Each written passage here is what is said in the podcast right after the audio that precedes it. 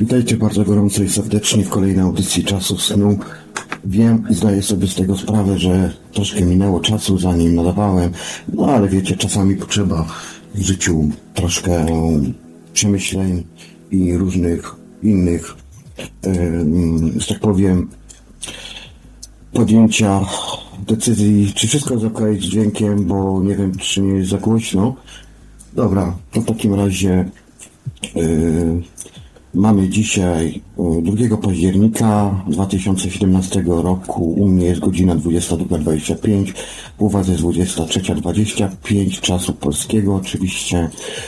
Yy, dzisiaj temat, który wybrałem, to jest temat odnośnie wizji podróży mistycznych nieśmiertelnego ducha między duchem a materią i będzie to relacja ze wspólnej podróży z kapitanem Tomkiem oraz myślę, że tutaj kolega Przemek się nie obrazi, jeżeli powiem jego imię Przemek, no bo co tutaj jest do ukrywania, tak? Była to nasza wspólna podróż w trakcie mm, no, wielogodzinnego śnienia, która odbyła się o tydzień temu właściwie, dokładnie mniej więcej w tym samym czasie co teraz, yy, próbowaliśmy, yy, że tak powiem, przy zastosowaniu urządzeń typu Magrawy oraz Sputnika i wielu, wielu innych urządzeń technologii cache, tak, tak, cache tej znienawidzonej przez wielu, no ale kto ma z tym problem, to ma z tym problem. Yy, my tutaj z chłopakami raczej nie mamy z tym problem. Była to piękna, wspaniała wyprawa, jedna chyba z najlepszych, jaką w ogóle kiedykolwiek odbyłem. Generalnie było bardzo dużo wizji i tak dalej, ale jeszcze zanim to powiem, to tutaj kilka garści, tak jak już wcześniej wspomniałem, jeszcze zanim wszedłem na antenę, Audycja 3600 sekund jest to audycja podcastowa, natomiast będę się starał ją robić również na live'ie. Co live to live, zawsze mniej roboty, prawda? Natomiast jeżeli mi się tylko będzie udawało, to będę wchodził live. Natomiast tak czy inaczej mam tutaj przygotowane w zanadrzu yy, audycje już obrobione, yy, około 10 odcinków, nawet nie pamiętam ile. W każdym razie, w razie czego gdybym nie mógł, to zawsze co tydzień ta audycja będzie leciała z puszki, ale jeżeli będę miał możliwość, to będę ją również nadawał na live'ie. Także myślę, że przez ten okres zimowo-jesienny jakoś yy, będzie to w miarę systematycznie szło. Oczywiście po tej audycji będzie zawsze czas snu. No i później, jeżeli tylko będę miał siły i będą chęci, to również będzie audycja chilloutowa, oczywiście totalnie na luzie. Tą audycję czas snu będzie wtedy chciał prowadzić na zasadzie, mm, żeby po prostu mówić i tak dalej. Być może będę włączał Skype'a, być może nie. Dziś wydaje mi się, że raczej chyba nie włączę, najwyżej na koniec, jeżeli ktoś będzie chciał jeszcze się wymienić y, paroma y, zdaniami, paroma przemyśleniami i tak dalej odnośnie tego wszystkiego, tych wszystkich wizji podróży, a być może ma też swoje, to bardzo chętnie. Natomiast w chillaucie będę chciał prowadzić to, co już my żeśmy kiedyś prowadzili w wieczorowych porach w matczynym moim radiu, czas y, radiu na fali, które właśnie promowało promocję śnienia i to nieważne jakbyśmy to nazywali, czy OB, czy LD, czy jeszcze jakoś inaczej. Ja z latami, z, z czasem nabieram coraz większego, może nie dystansu, bo to złe słowo, ale generalnie po prostu mówię po prostu wizję. Tak jak to tutaj mój kolega redakcyjny Tomasz też to zawsze podkreślał, tak również ja to będę starał się przedstawiać, że jest to wszystko w formie wizji. No tak. Są różne, są różne nazwy i tak dalej, ale ważne to, co się w życiu doświadcza i co się przeżywa i co to wszystko w nasze życie tak naprawdę wnosi, bo nie ma co ukrywać. Sny są y, naszym jakby takim, naszą taką odpowiedzią na, na to, co mamy w głowie i i to, co w nas siedzi. Bardzo świetnie to pokazały mi ostatnie moje wspólne podróże, wizje, gdzie choćby nawet tak jak w audycji Czas 01, którą najbardziej lubię z tych wszystkich moich audycji, bardzo często ją lubię, lubię nawet sobie odsłuchiwać, z racji tego, że tam po prostu były pokazane emocje, emocje, emocje, tak, na live, na żywo, pierwsze nagranie, tak samo jak tutaj teraz robię to nagranie. I tak to mniej więcej u mnie tutaj wygląda. No dobra, no to co? Audycja odbyła się tydzień temu, a może jeszcze, to zacytuję tutaj cytat Carlosa Castanedy, który jest jedną, jednym z wielu cytatów, które, które lubię. On tu też właśnie w bardzo fajny sposób to wszystko tutaj tłumaczy. Każda rzecz to jedna z milionów ścieżek. Dlatego też trzeba zawsze pamiętać, że ścieżka jest tylko ścieżką. Jeśli czujesz, że nie powinieneś nią podążać, nie wolno ci na niej pozostać pod wzajemnym pozorem. Czy ta ścieżka obdarzona jest sercem? Jeśli tak, jest dobra. Jeśli nie, nie zda się na nic. Obie prowadzą donikąd, ale jedna obdarzona jest sercem, a druga nie. Jedna pozwala odbyć radosną podróż, póki, póki nią podążać, stanow, póki nią podążacie, stanowicie jedność. Druga zaś sprawia, że przeklniesz swe życie. Jedna da ci siły, druga cię osłabi. I to jest to, co właśnie powiedziałem wcześniej na samym początku startu audycji, że po prostu każdy ma swoją drogę dążenia do zrozumienia tego świata, do pojęcia całej tej świadomości, czym tak naprawdę jest ta świadomość.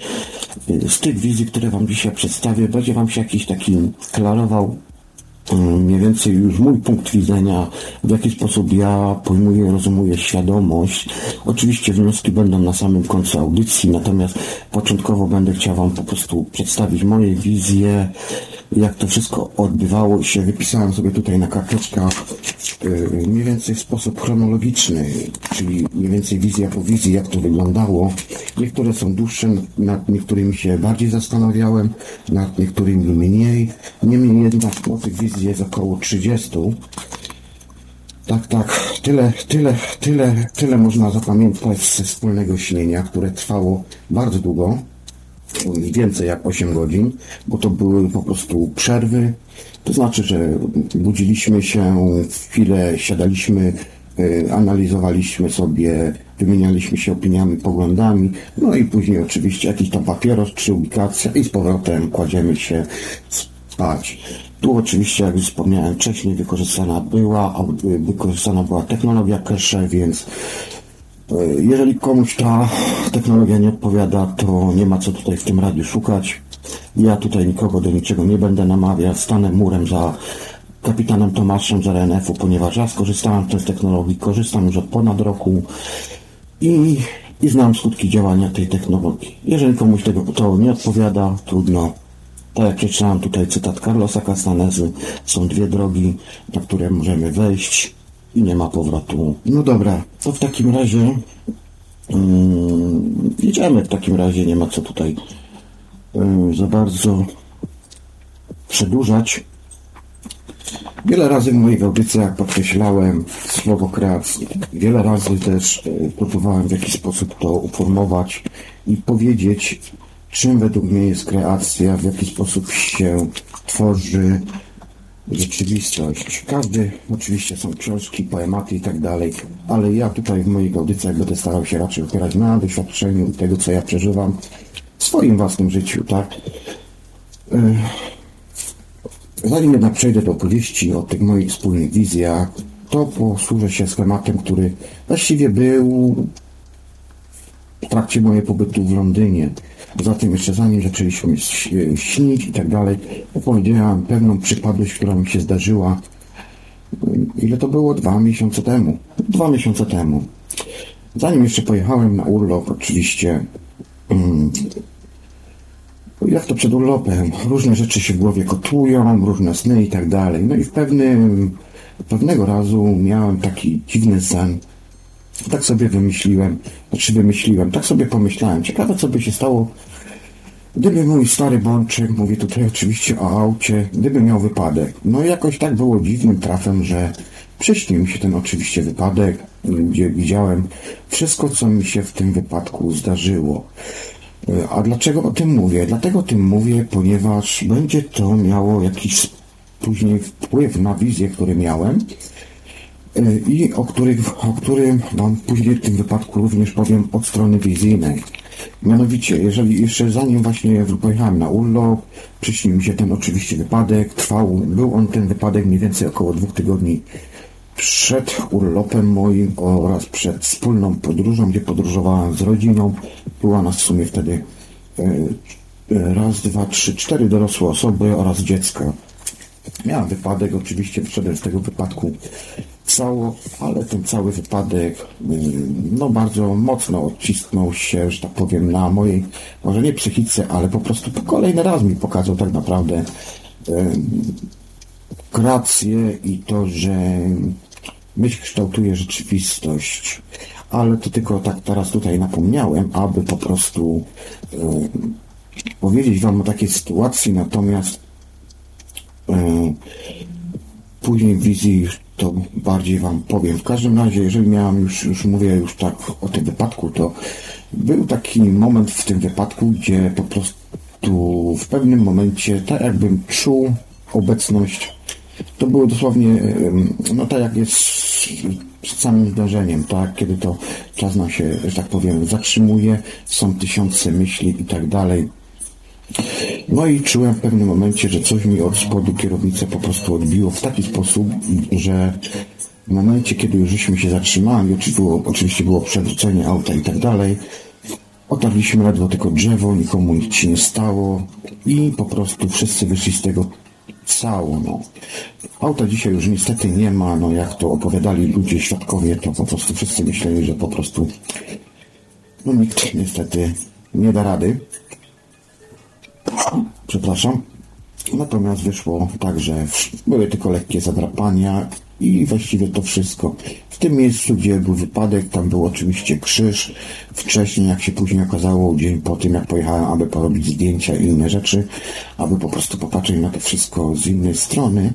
Ale jeszcze zanim właśnie uderzyłem w, tą ziem, w to drzewo, to jedyną rzecz, nie miałem czegoś takiego jak Większość ludzi opisuje, że im całe życie przebiega i tak dalej. Nie, nie, nie. U mnie tego nie było. Spokój, żadnego zdenerwowania. Wtedy, kiedy oczywiście leciałem, ja już wiedziałem, że walnę. Kwestia tylko czekania po prostu.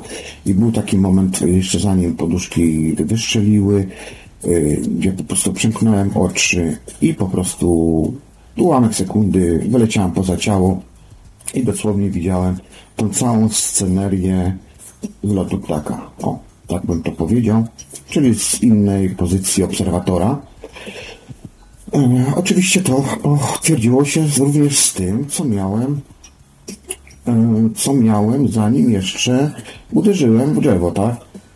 I to, co miałem w swoich sennych wizjach dwa tygodnie przed właśnie tym wypadkiem.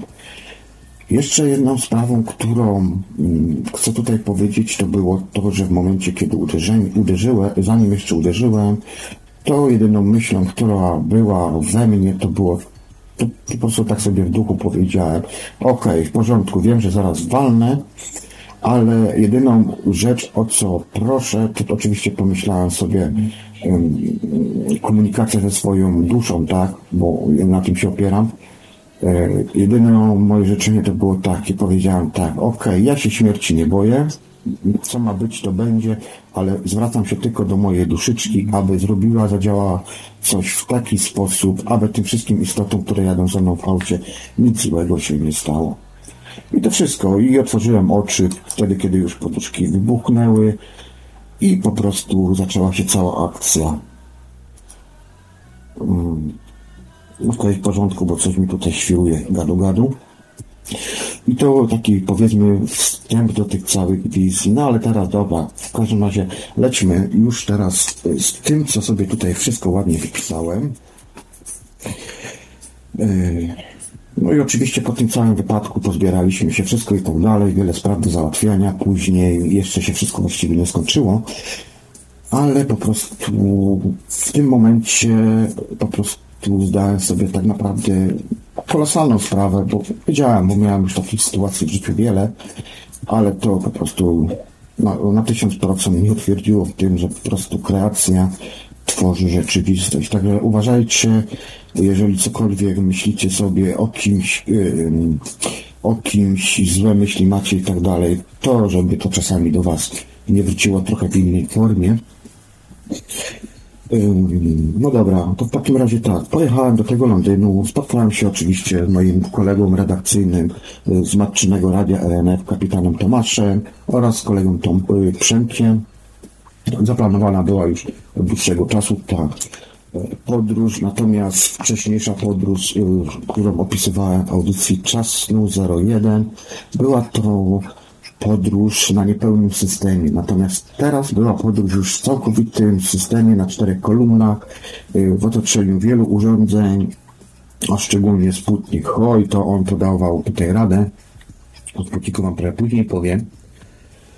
Natomiast um, jeżeli chodzi o początki, czyli oczywiście przywitaliśmy się i tak dalej, wymiana zdań, różnych takich rzeczy, no i przyszedł oczywiście wieczór, kiedy trzeba się położyć, dostroić się do wspólnej wizji, no i co? I kładziemy się, i kładziemy się na podłodze, ja czy ja na łóżku, koledzy na podłodze, po tych oczywiście wizjach wspólne, wymiany zdań, refleksje, porównywanie tego, kto co widział. Jak się okazuje, w większości mieliśmy podobne wizje, bo jak to wizje, to wizje. Każdy, każdy ma swoje wizje, ale są też i wspólne wizje, więc każdy miał swoją przygodę. Natomiast wiele tutaj, które mieliśmy opowieści, no mieliśmy dosłownie takie same. Jedną z pierwszych wizji, którą odbyłem, to zaraz po tym, jak już się dostroiłem. Um, oczywiście obudziłem się już w tej drugiej, innej, alternatywnej rzeczywistości. Jak to kolega mój powiedział, no wiesz, są już niektórzy, my jesteśmy już z tymi, tymi ludźmi, którzy się poruszają po tych różnych płaszczyznach. Um, I jak Carlos Castaneda powiedział, droga bez powrotu, czyli jeżeli już raz czegoś doświadczysz, to zawsze będziesz tego doświadczał. Po prostu trzeba znaleźć ten swój klucz do swojego zamka i go dobrze przekręcić. Pierwsza wizja, którą miałem, była to wizja, gdzie znalazłem się w dżungli i mieliśmy tą wizję wszyscy razem wspólnie. Była to wizja niesamowicie realistyczna. Oczywiście przez cały okres wizji nie miałem ani jednego razu jakiegokolwiek strachu, ani jednego razu. Zawsze wiedziałem, kim jestem, zawsze czułem kontakt ze swoją świadomością, ze swoją duszą, ze swoim pojazdem cielesnym. Byłem równocześnie w wielu płaszczyznach, na wielu, wielu aspektach. Mogłem obserwować rzeczywistość inaczej. Mogłem obserwować rzeczywistość wiele rzeczywistości naraz, ale jednocześnie te rzeczywistości mogłem obserwować pod różnymi kątami. Na przykład miałem jakąś scenę, mogłem obserwować tą scenę na przykład w kolorze czarno-białym, ale mogłem obserwować tą e, scenę również e, w sposób na przykład energetyczny, tak? Czyli widziałem energetykę tej całej płaszczyzny, którą obserwowałem. Staram się używać jak najprostszych słów, dlatego przepraszam bardzo, jeżeli czasami nie będziecie rozumieć. Czasami może lepiej sobie odsłuchać drugi raz audycję i będzie Wam łatwiej, bo niektórych pojęć nie jestem w stanie normalnie wytłumaczyć. I mówię, pierwsza wizja była to wizja, gdzie znalazłem się w lesie, nie w lesie, przepraszam, w dżungli, pełno śpiewów, ptaków, wszyscy się znaleźliśmy, oczywiście rozmawialiśmy wszyscy telepatycznie, po prostu niesamowite uczucie. E, w tej wizji oczywiście mm, no zawsze ciężko na początku jest, znaczy ciężko, może nie ciężko, po prostu czasami co tak zaskakujące, kiedy się wchodzi w inną płaszczyznę, inną rzeczywistość, że właściwie ciężko jest nawet załapać. O, to ja już jestem? Wiecie, na tej samej, na tej zasadzie. Yy, więc po prostu, no tak, tak jest, tak jest. No. Nie zawsze jest tak, jakbyśmy yy, sobie życzyli tego i jak nam opisują różni tam ludzie. Książka. Dla mnie książki w większej mierze są troszkę prze, przebarwione, że tak powiem. No ale dobra, okej, okay. każdy ma swój świat, każdy może sobie pisać co chce i mówić tak samo ja. Ta wizja była dość krótka, ponieważ dostroiłem się już do innej rzeczywistości. No i kolejną taką inną rzeczywistością to oczywiście było, e, było miasto złote oraz wiszący most. W którym to mieście było pełno złotego świata. Tak, miasta złote bardzo często mi się tutaj śnią, również z chłopakami. Y, tylko słyszałem cały czas wow, wow, co za dostrojenie, co za dostrojenie. Pomiędzy wizjami oczywiście robiliśmy sobie krótkie przerwy, wybudzaliśmy się, powracaliśmy do tej rzeczywistości, siadaliśmy przy urządzeniach, chłopaki tutaj bardziej od strony technicznej, y, przyglądali się urządzeniom, które, które po prostu dostrajały się do mojego umysłu, Zresztą ja też to bardzo mocno silnie czułem, ja po prostu wyczuwałem, ja wyczuwałem po prostu na każdym etapie e, wchodzenia w inne rzeczywistości, e, inne, jak to powiedzieć, fale częstotliwości dostrajania się. I to było naprawdę fajne, super doświadczenie. W tym złotym mieście oczywiście sobie chodziłem, obserwowałem, yy, widziałem narodziny oczywiście innych istot. Yy, byłem właściwie niewidzialny. Zawsze miałem, mam to w swoich yy, podróżach, że ja zdaję sobie sprawę, kim jestem. Nigdy nie tracę kontaktu ze swoją świadomością, ze swoją duszyczką i zawsze jest ona moim towarzyszem, no bo bez niej to no, nie dałoby się chyba raczej podróżować, tak? No chyba, że w jakiejś innej formie. Natomiast mi jest znana ta forma i w tej formie podróżuję, to, to też zawsze zwracam się do mojej duszy, do mojej duszy, aby mnie po prostu prowadziła. No i oczywiście podróżując po tych krainach złota, piękna, potężna kraina złota, właściwie istoty mi, one wiedziały, że jestem w ich krainie, ja byłem tam tylko gościem, więc nie, nie mogłem ingerować, natomiast mogłem doświadczać twórczości, tworzenia, kreacji i też to robiłem.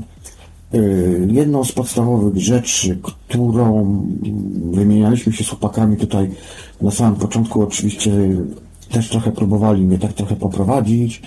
Y, też y, czułem w pewnym sensie takie wsparcie od nich, nie?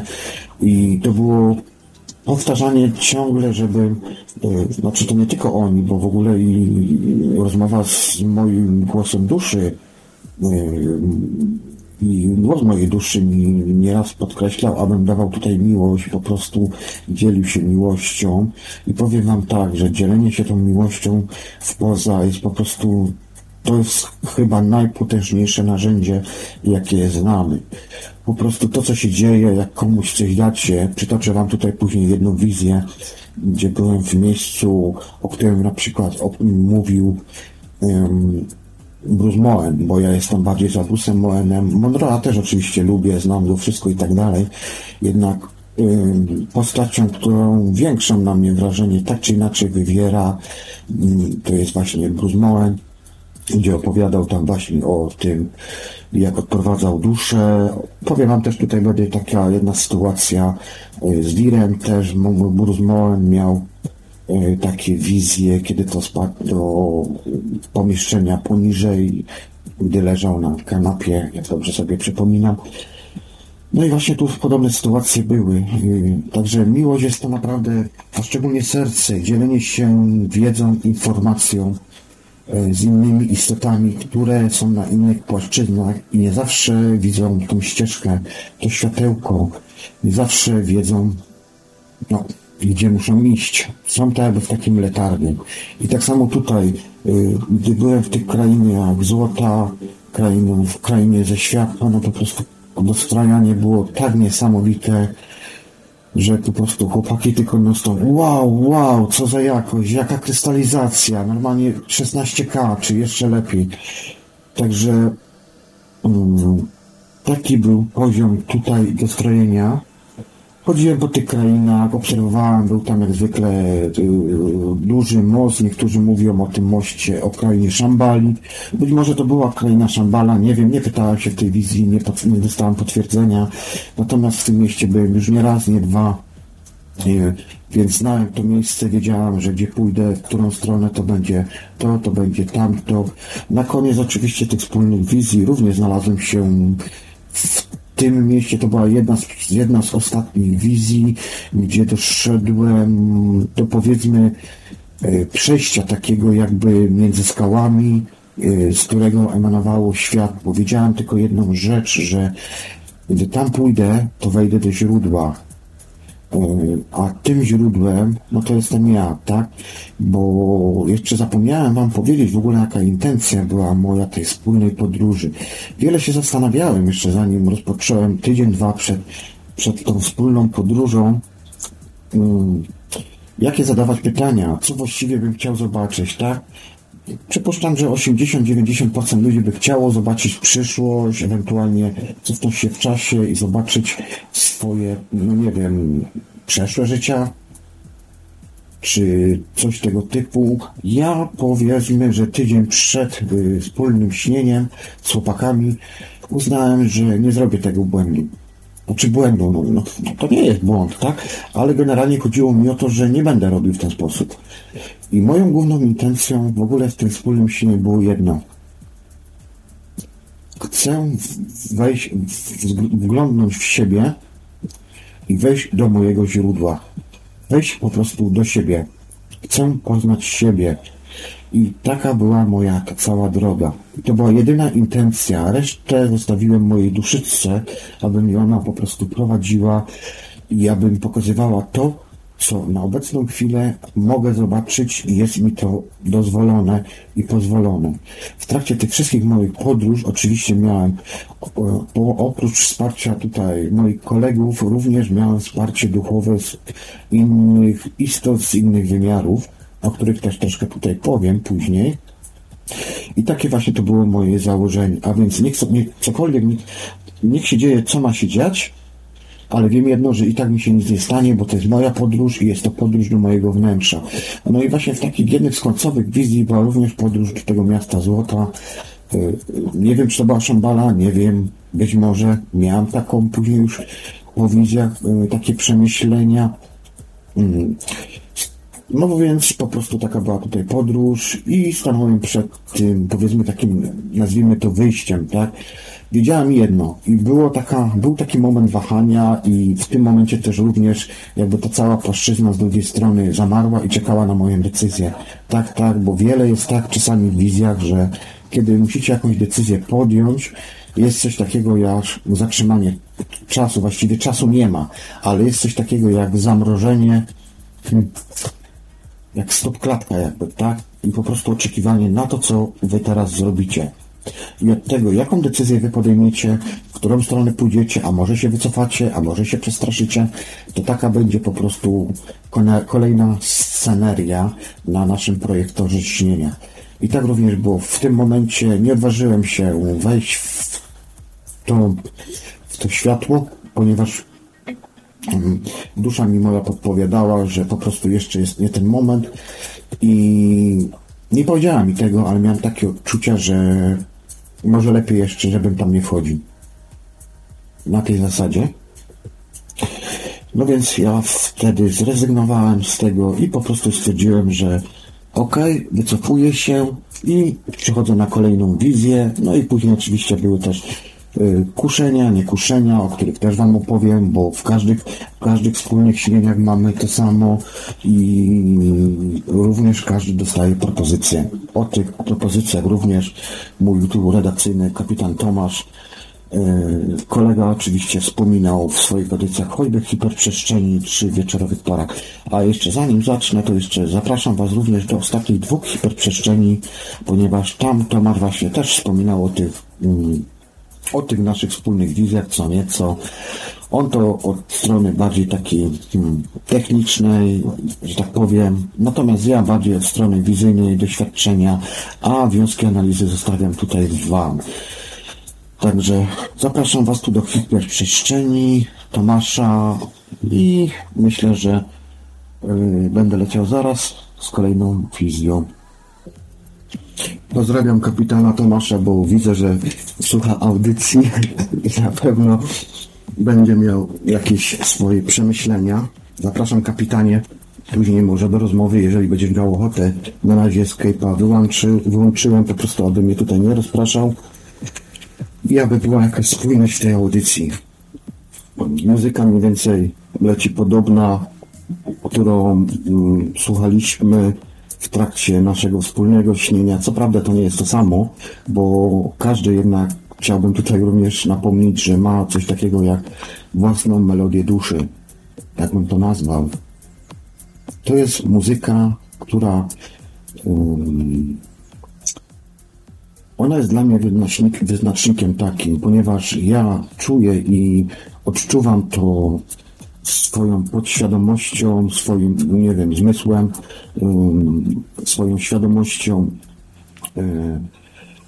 W momenty, kiedy się dostrajam, kiedy już jestem w jakiejś płaszczyźnie, wtedy zaczyna się otwieranie oczu i dostrajanie, to jeszcze jest właśnie melodia, wibracja, która, wibracja melodii duszy, która po prostu nam jest takim jakby wyznacznikiem, ona nas też w pewnym sensie prowadzi i daje nam z jednej strony bodźce, z innej strony wrażenia, czy też um, zrozumienie tego, w jakim miejscu się już znajdujemy. Także ta muzyka zwalnia, przyspiesza, można ją zatrzymać, całkowicie wyłączyć, nie ma z tym żadnego problemu.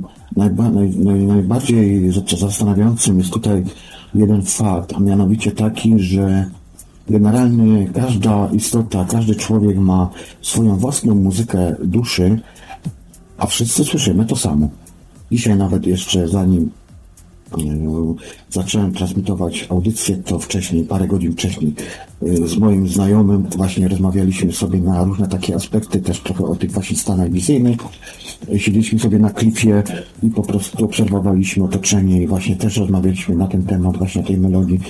I on też właśnie, no bo to też jest, powiedzmy, według mnie jest to osoba, która y, powiedzmy Mniej więcej też już kojarzyć zaczyna o co w tym wszystkim chodzi, ale jeszcze mam dużo wątpliwości. Jeszcze żyję w tym świecie materialnym, nie ma co ukrywać. Natomiast no, powiedzmy, przebywając z tą osobą w jednym wspólnym domu już rok czasu, widzę, jak kolosalnie ta osoba się zmienia. Także tu na pewno wpływ mają urządzenia typu Magraf, czy tam systemy balaniące, które się u mnie znajdują. Zresztą ja tej osobie powiedziałam, że wyjdzie z tego pokoju zupełnie w innym stanie. Kolejna wizja, kiedy już e, po tych złotych miastach oraz dżungli mm, byliśmy, rozpoczęło się coś takiego jak siadłem sobie na łóżku, jeszcze zanim się położyłem, no i zacząłem się dostrajać do do Magrawa, do Magrawy, do tych wszystkich urządzeń. U mnie to jest tak, że często kiedy dostrajałem się, to właśnie siadałem sobie na rogu łóżku też, bo to nie, nie zawsze za każdym razem y, leżałem. Ja jednak wolę pozycję leżącą, medytacyjną, a nie taką w typu na w kucki, tak, czy nogi na krzyż i na podłodze. Ja wolę jednak jak sobie leżę, i po prostu w ten sposób to na mnie działa. Ale tutaj w tej wizji akurat nie, znaczy tutaj w tym dostrojeniu było akurat nie tak, że po prostu siadłem sobie na rogu łóżka, no i zacząłem się e, dostrajać. E, dostrajanie u mnie polega to na tym, polegało to na tym, że oczywiście próbowałem wyłapać tę falę, bo to dla mnie to jest coś takiego jak fala i też w pewnym momencie, kiedy miałem wizję właśnie takiego wiru, o którym mówi choćby nawet Bruce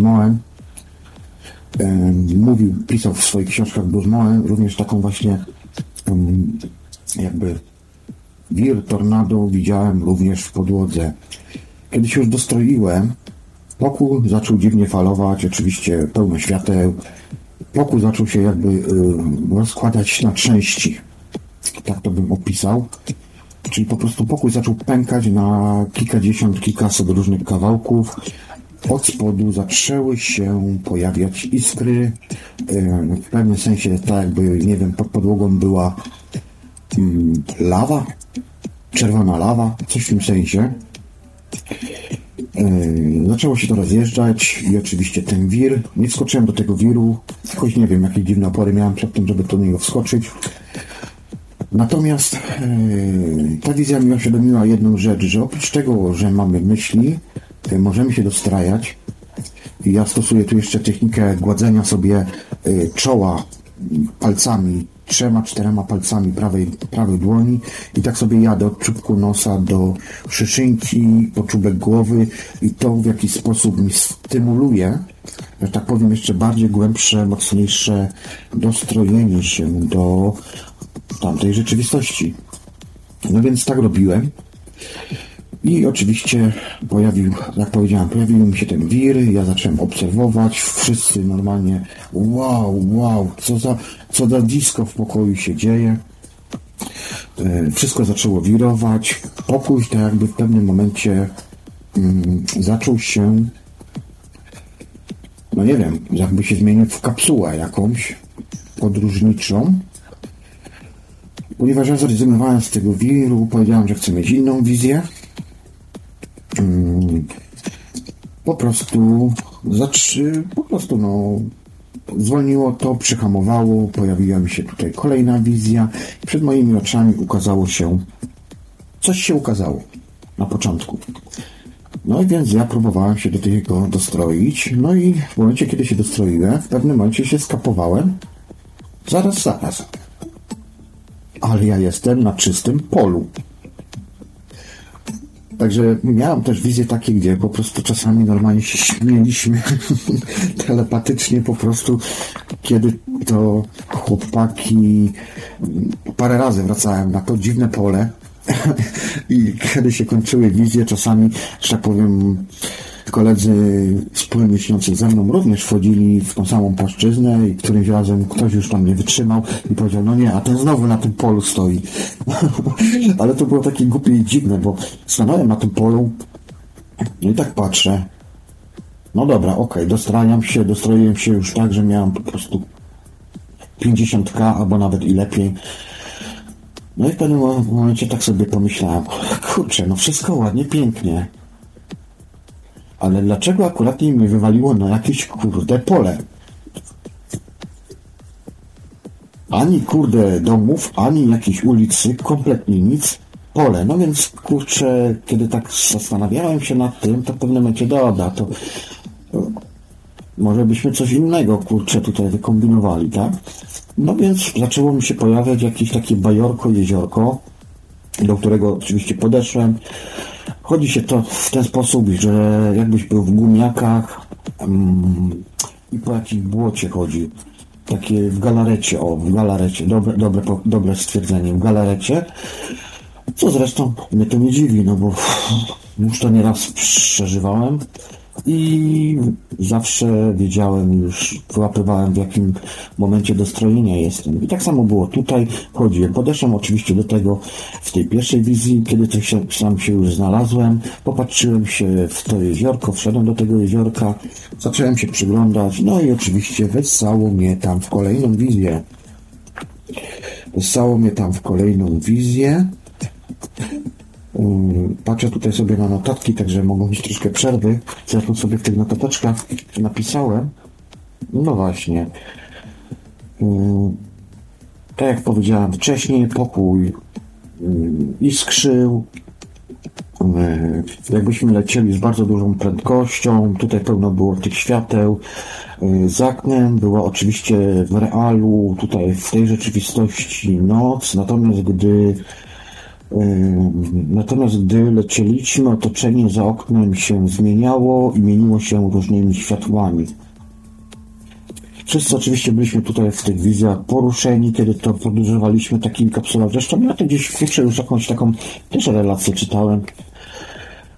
Hmm, Nie wiem, czy to nie Bruce Moen, czy Monroe napisał o tych właśnie takiej podróży, gdzie też podróżował jakimiś takimi dziwnymi kapsułami. U nas tą kapsułą był oczywiście y, pokój, gdzie tak się.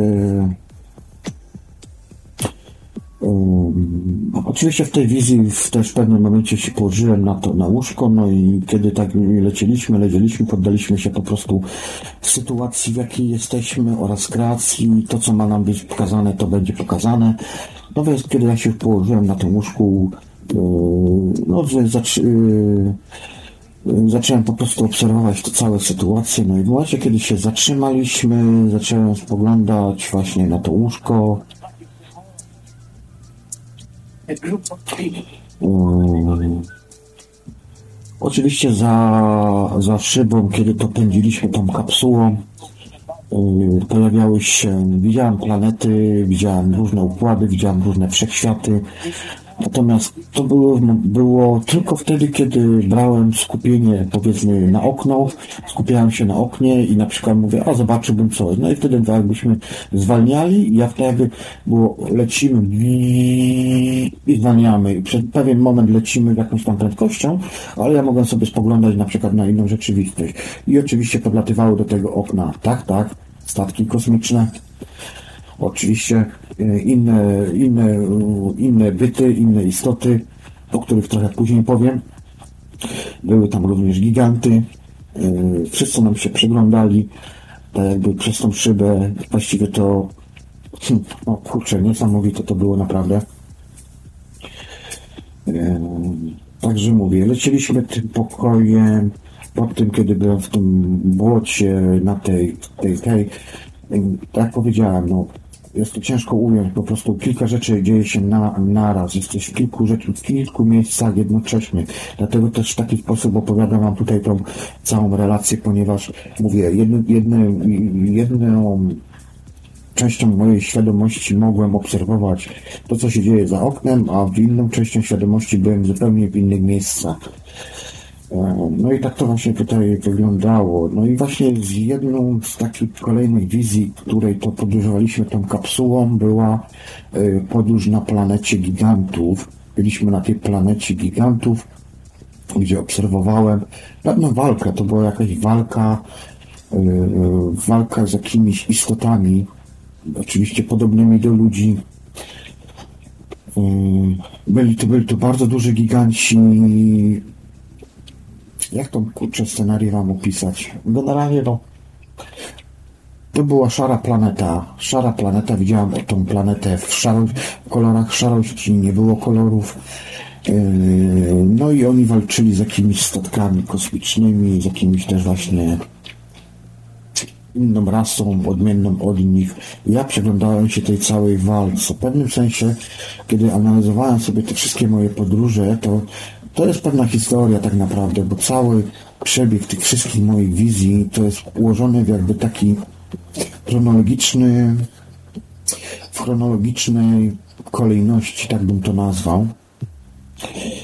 I tak to mniej więcej tu wyglądało w tych moich wizjach. Kiedy miałem momenty, gdzie na przykład um, nudne się dla mnie robiło na przykład obserwowanie jednej wizji, to bardzo często wywalało mnie w pewne miejsce. To miejsce to było miejsce, to była piękna plaża. To była piękna plaża, złocista plaża, y, o, brzegu bijające się oczywiście fale. To była w pewnym sensie jakby taka zatoka, gdzie ja sobie po prostu stałem albo siedziałem na piasku. Przede mną była biała łódka, pochylona lekko na bok, pod, pod kątem. No i sobie patrzyłem na tą łódeczkę. Oczywiście tą łódkę też później wchodziłem, pływałem sobie po tej zatoce. Yy, w niektórych momentach, kiedy też czasami się zastanawiałem, dlaczego mi ciągle kurczę w niektórych momentach yy, pojawiam się właśnie na tej, na tej plaży. Na tej plaży dlaczego ciągle mnie to zsyła. Dopiero po jakimś czasie zdałem sobie sprawę, że tak naprawdę przepływ informacji przepływ informacji był tak ogromny, tyle było tych wszystkich wizji, że po prostu czasami potrzebowałem w pewnym sensie takiego jakby odpoczynku. O, tak bym to nazwał, czyli po prostu musiała się skończyć wizja, musiałem zrobić sobie, że tak powiem, taki jakby relaks, aby przygotować się do kolejnej wizji. W tym, na tej plaży doświadczałem również elementów y, kreacji, kiedy na przykład miałem dość patrzenia na łódkę, to sobie wyobraziłem na przykład y, to był gołąb. Sobie wyobraziłem gołębia i w miejscu, gdzie była łódka, nagle znikała łódka, pojawił się gołąb, którego obserwowałem, on mnie obserwował i tak sobie leż, ja sobie leżałem, czy siedziałem na tej plaży i się tak po prostu przyglądaliśmy sobie. Niesamowite doświadczenie swoją drogą, bo w sumie nic nie robiłem, a tylko, a tylko jakbyśmy się obserwowali i wymieniali informacją, oczywiście tutaj w sposób telepatyczny. Także było takie fajne doświadczenie. Yy, tutaj już jeżeli jesteśmy już na tej plaży, to przejdę do kolejnego doświadczenia, kiedy to również siedząc na tej plaży w pewnym momencie znużony, znaczy znużony, no po prostu przyszła pora na kolejną wizję, więc postanowiłem, że bardziej skupię swój wzrok na drugą stronę zatoki. No i nagle tak jakby się płaszczyzna zaczęła wyprostowywać i zaczynałem widzieć drugą stronę wybrzeża. Na tej drugiej stronie wybrzeża były skały, duże, wysokie skały. Było jakieś tam wejście, było tam jakieś wejście do jaskini. No i oczywiście w pewnym momencie zaczął robić się ruch. Gdzieś z jakichś drzew zaczęły wychodzić dziwne istoty w dziwnych skafandrach. No i oczywiście z góry zaczęły nadlatywać statki kosmiczne. Tak, statki kosmiczne. Na plaży było, nagle uformowało się jakby takie lotnisko, miejsce na lądowanie, coś w tym sensie. Um, chwileczkę, bo sobie tutaj dokładnie płaczę sobie na notatki, więc mogą być takie czasami przerwy lekkie, no ale nie chcę pominąć po prostu wszystkiego, co sobie wypisałem wcześniej, bo zawsze kiedy robiłem jakieś właśnie takie nagrania, to później się biłem w głowę o kant, o kant stołu, że po prostu pominąłem to, pominąłem tamto i tak dalej. Generalnie ta wizja, którą miałem tutaj wspólnym śnieniem w Londynie, była również wizją, o której już wcześniej wiele razy mówiłem, nawet są nagrania na czasu snu czy na radzie na fali, o tej, o tej właśnie plaży, gdzie wchodziłem do właśnie do tego statku i tam były jakieś takie dziwne kryształy, w te kryształy były zatopione jakieś takie dziwne twarze i do tego jeszcze te kryształy, nie, nie we wszystkich oczywiście kryształach, ale one też wydzielały różne kolory, kolorystyką się mieniły.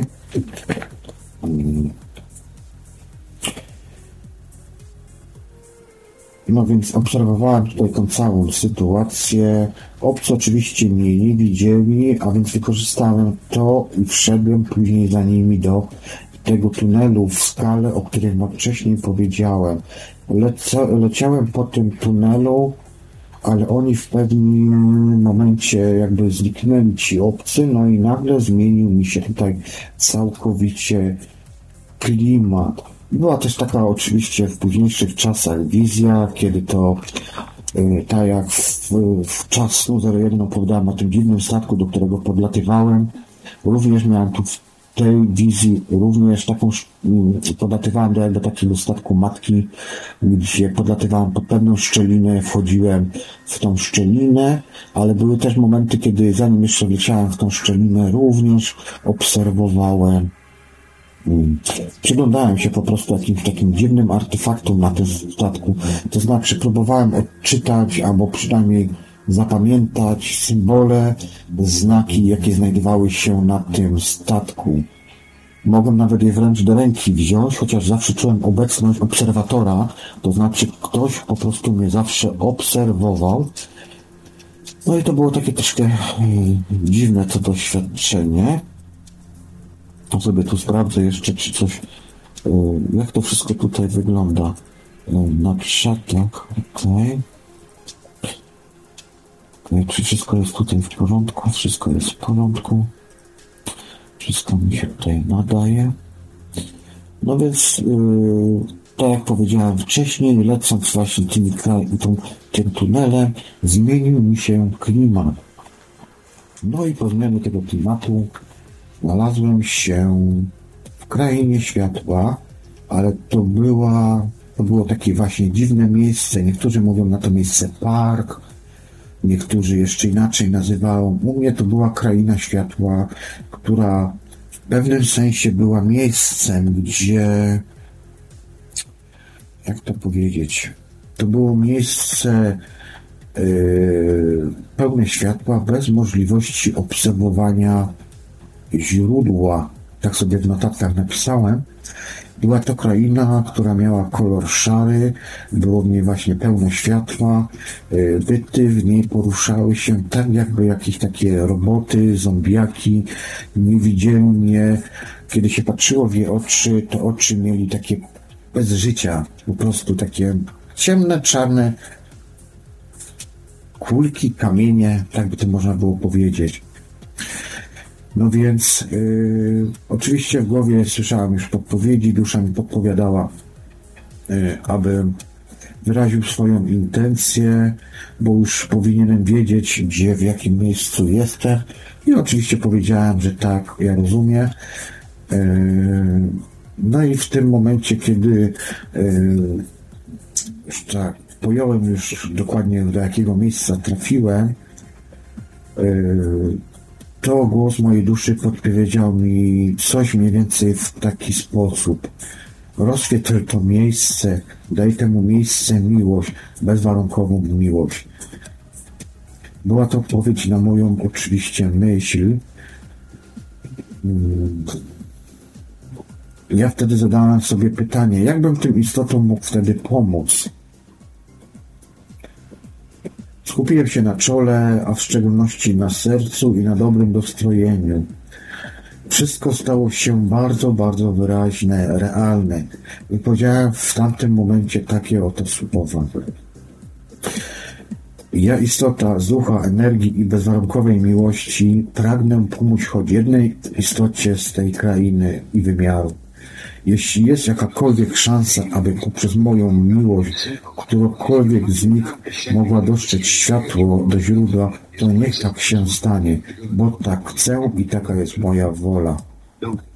I w tym momencie, kiedy wypowiedziałem coś takiego, świat się zatrzymał. To jest to, co mówiłem wam wcześniej, że jest coś takiego jakby stop klatka. Wszystko zamarło, istoty stanęły w miejscu, wszystko po prostu było chwilą, jednością, jednym czasem. Niektórym istotom zaczynały świecić oczy. Zaczynałem czuć ekstazę, euforię. Kilka bytów podleciało do mnie. Zaczęło mnie widzieć i zaczęło się do mnie przyglądać z szarego, ponurego klimatu, gdzie istoty chodziły jak zombie, zaczął błys błysnął potężny brak struktury.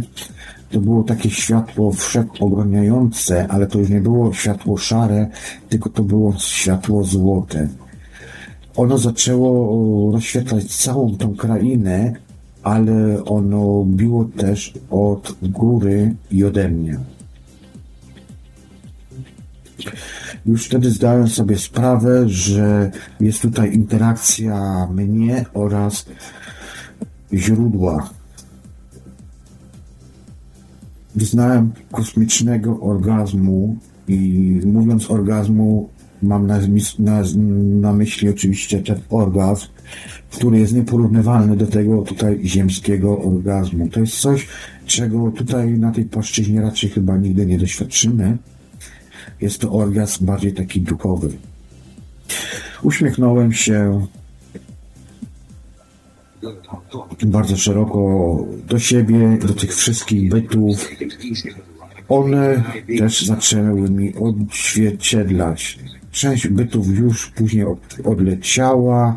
Ja zaczynałem zwiedzać tą krainę, chodzić pomiędzy tymi bytami, zaczynałem mówię, obserwować różne rzeczy, coraz więcej istot mnie, w ogóle kiedy przechodziłem pomiędzy istotami, to część istot po prostu jakby się zatrzymywała, zaczęła świecić też swoim światłem, które było bardzo, bardzo słabe, ale jednak, oczywiście najwięcej tutaj świeciły oczy i okolice serca, ale nie ma co ukrywać, większość jednak istot mnie po prostu nie widziała.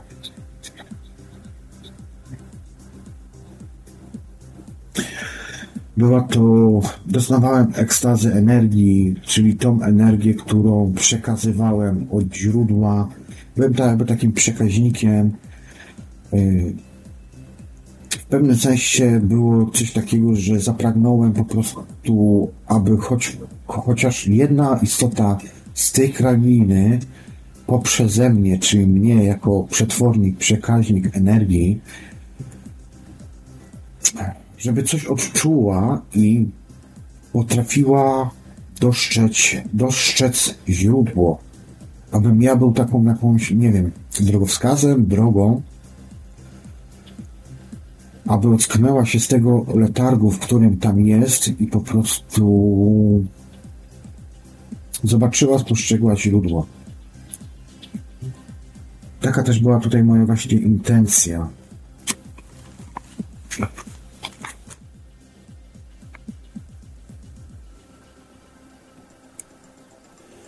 Głos duszy mi podpowiedział mniej więcej podobne takie zdanie. Widzisz, dałeś od siebie niewiele, a pomogłeś tak wielu. To była odpowiedź tego właśnie, tej mojej całej intencji, kiedy chciałem chociaż jedną istotę obdarzyć tutaj energią miłości. Kiedy dałem dosłownie pyci pyci, maluteńki kawałek swojej miłości, to poczułem wręcz huragan, który uderzył mnie od tej drugiej strony, ale uderzył mnie potęgą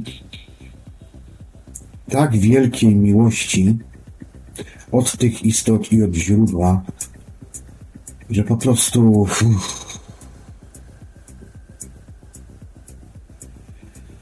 nie do opisania. Nie da się tego po prostu wyrazić słowami.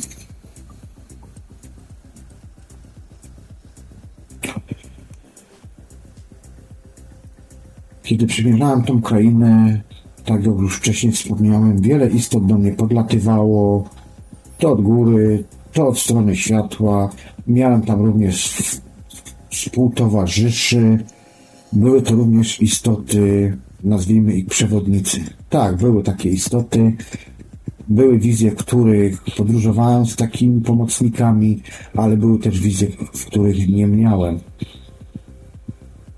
Natomiast w tej krainie, powiedzmy, nazwijmy to krainę, tak jak powiedziałem, bez możliwości obserwacji źródła, dla niektórych może łatwiej będzie w pewnym sensie hmm, taki czyściec, czyli w sensie, że nie jesteś jeszcze, że tak powiem, potępiony, ale nie masz możliwości obserwacji źródła. No tak to nazwijmy, nie? Trzeba to jakoś tutaj w ramy upielec. No więc tak jak powiedziałem wcześniej, chodziłem po tej krainie i zacząłem ją zwiedzać.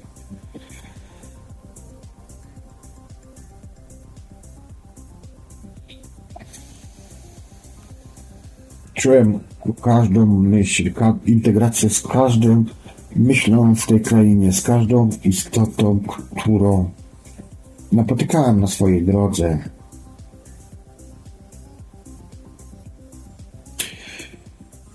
Było mi też żal tych istot, ponieważ y, kiedy przyglądałem się co niektórym istotom i widziałem, że nie reagują, miałem w pewnym momentach, w pewnych momentach takie myśli, że szkoda, że nie wszystkie te istoty mogą dotrzeć albo zobaczyć źródło. Zdałem sobie też sprawę, że być może jestem trochę za słaby, albo nie mam jeszcze może takich, nie wiem, może za słabo jeszcze tą energię miłości daję, że po prostu nie do każdej istoty może dotrzeć ta energia, ale też z drugiej strony być może ta istota sama musi też pewne rzeczy zrozumieć, że po prostu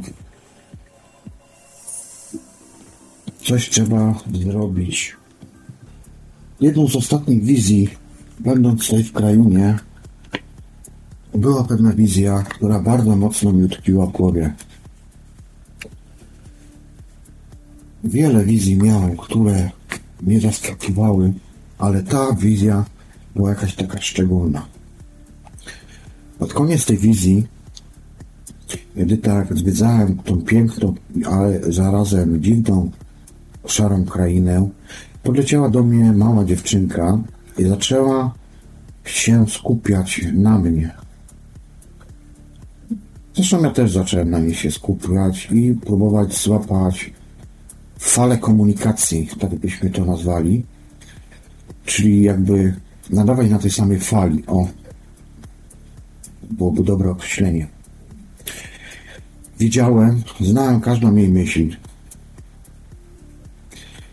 i wyczuwałem od niej strach, ale też zagubienie i zmartwienie. Ale tak naprawdę, gdy już się połączyliśmy, kiedy, nie wiem, chyba dotarła do niej świadomość, jaką ja jestem istotą, na jej twarzy pojawił się piękny uśmiech. Zaczęła się uśmiechać. Zresztą obydwoje tak naprawdę później odwzajemnialiśmy sobie to, te uśmiechy. Wymienialiśmy się oczywiście informacją. Z drugiej strony ktoś do mnie podleciał. W głowie słyszałem głos duszy, żebym dał jej coś od siebie, żebym wskaza- wskazał jej drogę.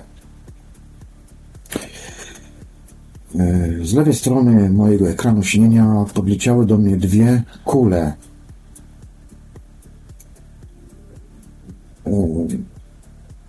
Nie wiem, czy, bo w sumie nie rozmawiałem ani z Tomaszem, ani z Przemkiem, czy to byli oni, ale jakoś tak podświadomie wydawało mi się, że to są oni.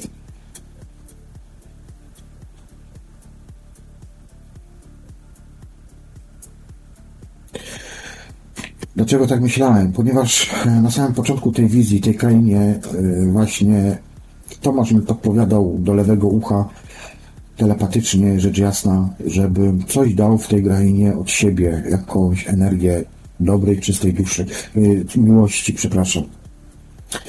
Mała dziewczynka, e, gdy już mnie zobaczyła, w pewnym momencie wyciągnęła rękę i podleciała w kierunku tych kul. Być może jest to moja im- imaginacja, że to był Tomasz i Przemek, a inaczej. Mogłem ja ich po prostu, ja ich tam po prostu widziałem, natomiast ta dziewczynka mogła widzieć zupełnie inaczej. Mogła na przykład widzieć swoją babcię, swoich, nie wiem, zmarłych rodziców, czy coś w ten deseń. Natomiast dla mnie to byli chłopacy po prostu. Ja ich w ten sposób tam widziałem.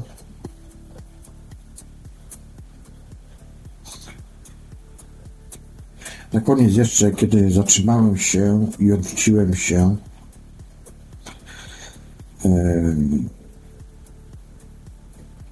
a dziewczynka po prostu uniosła się i zaczęła lecieć w kierunku tych kul. Jeszcze na moment ona się zatrzymała, popatrzyła się na mnie takim no, wspaniałym, pełnym miłości wzrokiem i tylko usłyszałem telepatyczne dziękuję. Po czym odleciała ona w kierunku ku górze, to właśnie źródła z tymi właśnie dwoma kulami. Kiedy skończyła mi się wizja, e, siadłem już na łóżku, koledzy również, zaczęliśmy się na siebie patrzeć, wymieniać się telepatycznie, ale tak naprawdę nikt się nie odezwał. Jedynie co, to tylko ja chyba powiedziałem coś tak w tym sensie, że wow, co za wspaniała podróż. Uff, coś w tym sensie. Tak to tutaj mniej więcej w tej podróży wyglądało. Doznania niesamowite, ekstazy niesamowite, ale to dopiero początki wizji. Tak naprawdę jeszcze nawet nie jestem w jednej piątej. Także audycja będzie trwała chyba troszkę dłużej, czego zresztą się obawiałem, że po prostu nie dam rady w dwie godziny po prostu tego wszystkiego Wam tutaj przekazać. Niemniej jednak będę brnął dalej w kierunku tych moich wizji. Mam kurczę taki dziwny dzisiaj zestaw zmontowany, że jest mi ciężko, bo mam taki kurczę zapasowy wycie- wysięgnik i boję się, że w każdym momencie może mi spaść mikrofon. No ale jakoś się postaramy to. Postaramy się to jakoś ogarnąć. Kolejna wizja była to wizja do powrotu do starej wizji sprzed lat. A była to wizja, którą też kiedyś nagrałem, też już nieraz mówiłem. Była to wizja mnie oraz kapitana i spotkanie mm, z Indianinem. Jak kiedyś stawałem tutaj na skraju doliny, po lewej stronie był ten sam most, który miałem w wcześniejszych wizjach. W pewnym, w pewnym momencie pomyślałem, że sobie pójdę na ten most, no więc szedłem w pełni świadomy i o dziwo nie straciłem w tej świadomości. Wszystkie wcześniejsze wizje, które miałem o tym spotkaniu z Indianinem, zresztą z Indianinem wiele spotkań miałem, różne przemyślenia i rozmowy z nim, tak samo tutaj w tej wizji. Natomiast to była jedy, pierwsza wizja, gdzie przechodząc przez ten most, to było tam połączenie dwóch krain. Między jedną a drugą doliną powieszony był most, po którym szedłem i zawsze w tej wizji traciłem świadomość. W tej tutaj wizji, o dziwo, nie straciłem żadnej świadomości.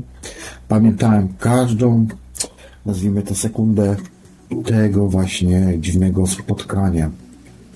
Obok mnie pojawił się kapitan, gdzie przeważnie jednak widziałem go w momencie, kiedy się y, spinaliśmy na szczyty, na taką polanę, na której to siedział y, właśnie ten Indianin przy rozpalonym ognisku. Tutaj było tak samo jak w tych wszystkich wizjach, tylko ten moment właśnie przejścia pamiętałem po prostu.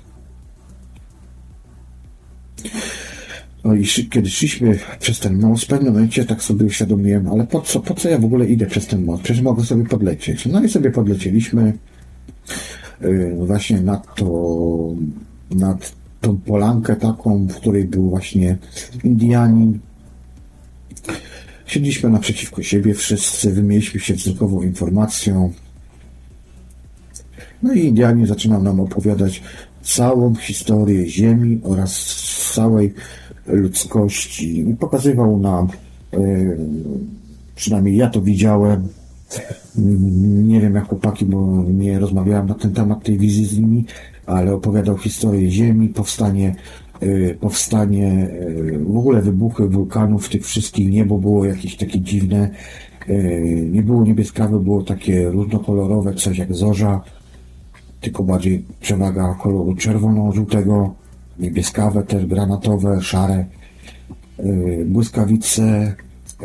To była taka jedna jakby duża dolina, wokół której była ona otoczona wysokimi górami, a w tej dolinie była jedna wielka zawierucha. Byli tam ludzie, były piramidy, statki, mnóstwo piramid było, ale te piramidy to były jakby takimi statkami podróżnymi, statkami były tymi kosmicznymi. Oni się, ty, znaczy ci obcy tam, co byli pokazani w tej wizji, oni się po prostu poruszali tymi statkami. Oczywiście były też inne statki, ale bardzo 80% właśnie tych wszystkich pojazdów to były pojazdy w postaci właśnie takich piramid. No i obserwowałem sobie tą całą yy, powiedzmy historię. Yy, głos duszy mi podpowiadał, że mam teraz dostęp do pełnej wiedzy w pewnym sensie jestem podłączony do, jakby do bibliotek, do pełnej informacji i po prostu mogę obserwować y, całą historię ludzkości od powstania Ziemi. Wiem, że to może dziś, dziwnie zabrzmieć, tak u mnie było w tej wizji, no i obserwowałem sobie różne epoki, dosłownie z lotu ptaka, oczywiście z pozycji obserwatora były momenty, gdzie były wspaniałe wizje, wspaniałe momenty, ale też były momenty, gdzie widziałem punkty, w którym to poszło coś nie tak, gdzie ludzkość poszła, no chyba nie do końca w tym kierunku, w którym miała pójść.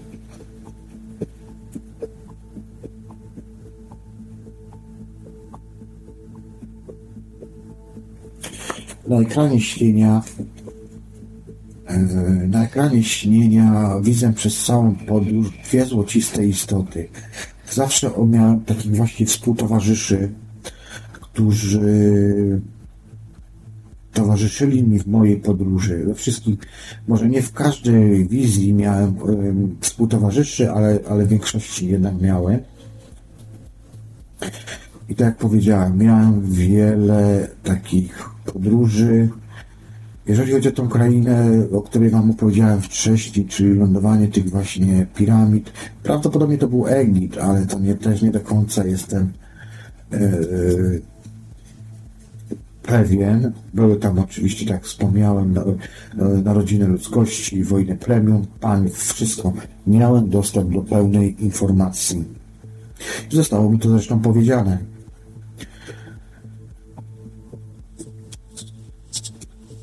Mogłem również zadawać pytania.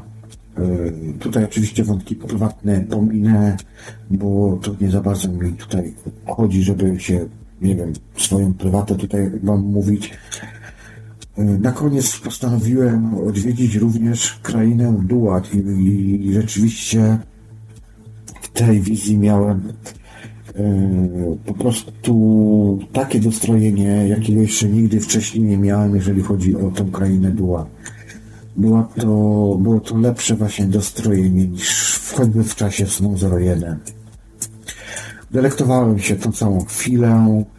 Y, było po prostu tak, że normalnie podlatywałem powiedzmy na 500 km od rzeki, bo tą krainę, przez środek tej krainy w ogóle płynęła rzeka i standardowo jak w każdej wizjach miałem, również miałem wschody i zachody słońca, mogłem po prostu sobie obserwować. Zawsze e, sprawiało mi to radość, kiedy mogłem skupić swój wzrok w stronę źródła słońca. E, tak to u mnie wyglądało. Ta wizja oczywiście z czasem zaczęła się kończyć. Odlatywałem coraz wyżej, coraz wyżej, coraz wyżej aż obejmowałem całym wzrokiem planetę.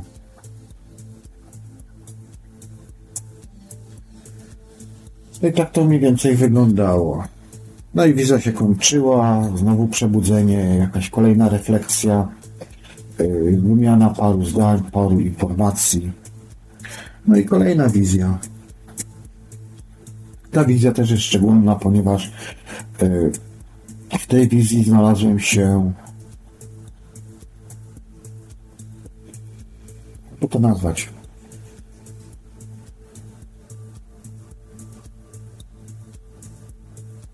Dom ojca, kraina ojca. To było miejsce, gdzie widziałem prawdziwego siebie.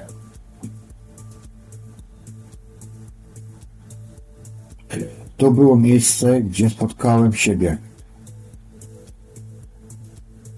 Wyobraźcie sobie,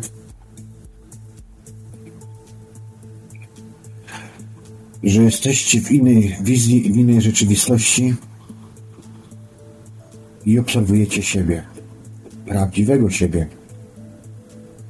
To było miejsce, gdzie mieszkałem, tak jakby w takiej wysokiej wieży z oknem było jakieś łóżko, porzucane ciuchy na podłodze, kilka rzeczy. Pomiędzy tobą a tutaj, a tobą w tamtej rzeczywistości jest jakby taka tafla lustra żelu i po tej drugiej stronie widzisz inny świat. To była tutaj wizja, natomiast później robiliśmy jeszcze również doświadczenia ze słoikiem, o którym trochę później powiem. Niemniej jednak obserwowałem ten cały klimat, mogłem zoomować sobie na przykład stronę okna, gdzie widziałem, co poza oknem się znajduje i była to kraina, piękna, piękna zielonista kraina, pełno ścieżek różnych, yy, lekko górzysa. Yy, I to był, no ja to nazwałem dom ojca. Tak, czyli moje prawdziwe miejsce. Obserwowałem, co ja tam po tamtej stronie robię. ale było też w pewnym momencie, kiedy dostroiłem się jeszcze bardziej i spróbowałem złapać kontakt z sobą po tamtej stronie. No i w pewnym momencie była taka fajna, śmieszna sytuacja, kiedy to ja po tej drugiej stronie podeszłem właśnie po tą strukturę, nazwijmy to lustro, bo to prościej będzie pojąć, i zaczął się przyglądać i tak jakby mnie po tej drugiej stronie przyuważył. No więc ja uśmiechy, on uśmiechy. Ja kiwać głową zacząłem, on kiwać. Ja mrugnąłem jednym okiem, on mi odpowiedział drugim okiem. Generalnie było tak by, wiecie, jak jest lustro. Prawa podchodzisz do lustra, masz wszystko odwrócone, tak? To tak samo tam było. Były momenty, kiedy ta postać się patrzyła na mnie, znaczy ja po tamtej stronie, zmieniała też y, swoje kształty twarzy, czyli raz była dziadkiem jakimś, później jakimś dzieciakiem, później jakąś kobietą. Były też momenty, że pod to lustro podchodziły również inne te. Ja to powiedziałbym, że były to w pewnym sensie mm, dzieci, po prostu moje dzieci z tamtej płaszczyzny. Żona. To było niesamowite obserwowanie i spotkanie siebie po tej drugiej stronie. Nie było to dla mnie aż tak bardzo zaskakujące, bo w wielu wizjach swoich miałem takie momenty, gdzie obserwowałem siebie, ale tutaj ten realizm do strojenia przy wykorzystaniu oczywiście technologii cache po prostu był miażdżący. To było po prostu niesamowite doświadczenie.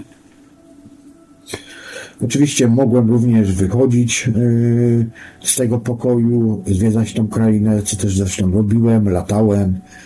Yy, fajne miejsce było takie położone, też taka dolina jakby między górami, też to obserwowałem. No, coś pięknego.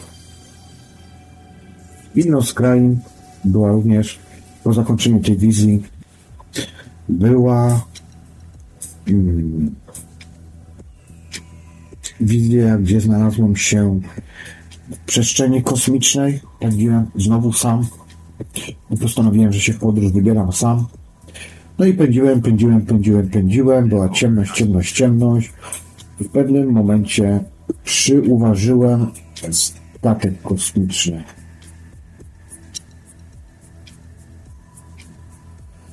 No więc postanowiłem, że wejdę w ten statek kosmiczny, no i wszedłem.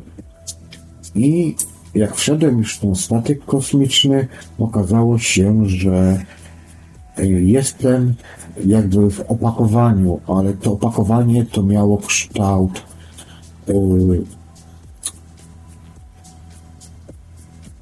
skafandra kosmicznego po prostu. Tak bym był w skafandrze kosmicznym. I pierwsze chwile, w których się tam znalazłem, po prostu dopasowywałem się. Czyli po prostu jakbym ubierał, nie wiem, kurczę, no, karpety, kalesony na siebie, tak? Dosłownie próbowałem, miałem oczywiście świadomość, że wchodzę po prostu w, nie wiem, czy w inną, w inną istotę, czy no nie wiem jak to określić. W każdym razie wszedłem, no i tak zacząłem się rozglądać, najpierw od podłogi, zacząłem się po bokach rozglądać, zobaczyłem kokpit, yy, zobaczyłem kokpit, oczywiście taki dziwny ten kokpit był, no ale to nie było główną moją jakby zamiarem, tak? Zamiarem. Generalnie zacząłem się rozglądać po tym całym pomieszczeniu, no i skierowałem wzrok w stronę okien. Małych okienek, no i po prostu to było miażdżące, bo zobaczyłem planetę. I pamiętam dokładnie nazwę tej planety, ale była to planeta yy, Suma. Na początku myślałem, że to sama, ale okazało się, że muzykę, którą słuchaliśmy w trakcie naszego wspólnego śnienia, była to muzyka puszczana z audycji Soma, z radia Soma, więc po prostu stwierdziłem, że jakieś to przeinaczenie było, ale później jak się skupiałem, próbowałem dojść do tego, to mi cały czas w głowie tkwiła nazwa planety Suma, nie Soma, więc to była dziwna planeta, bo obserwowałem tą planetę właśnie z kokpitu z góry. No i w pewnym momencie stwierdziłem, że ja y, postanowiłem po prostu zwiedzić tę planetę. No i po prostu też była, co dziwne, ta planeta wyglądała jak Ziemia. Tylko, że była, dobra, to może później, ale ona wyglądała jak Ziemia. Błękitna, też taka fajna, napuścięta, jak to czasami na obrazkach widać. No i w momencie, kiedy postanowiłem, że ląduję na tej planecie i chcę zwiedzić tą planetę,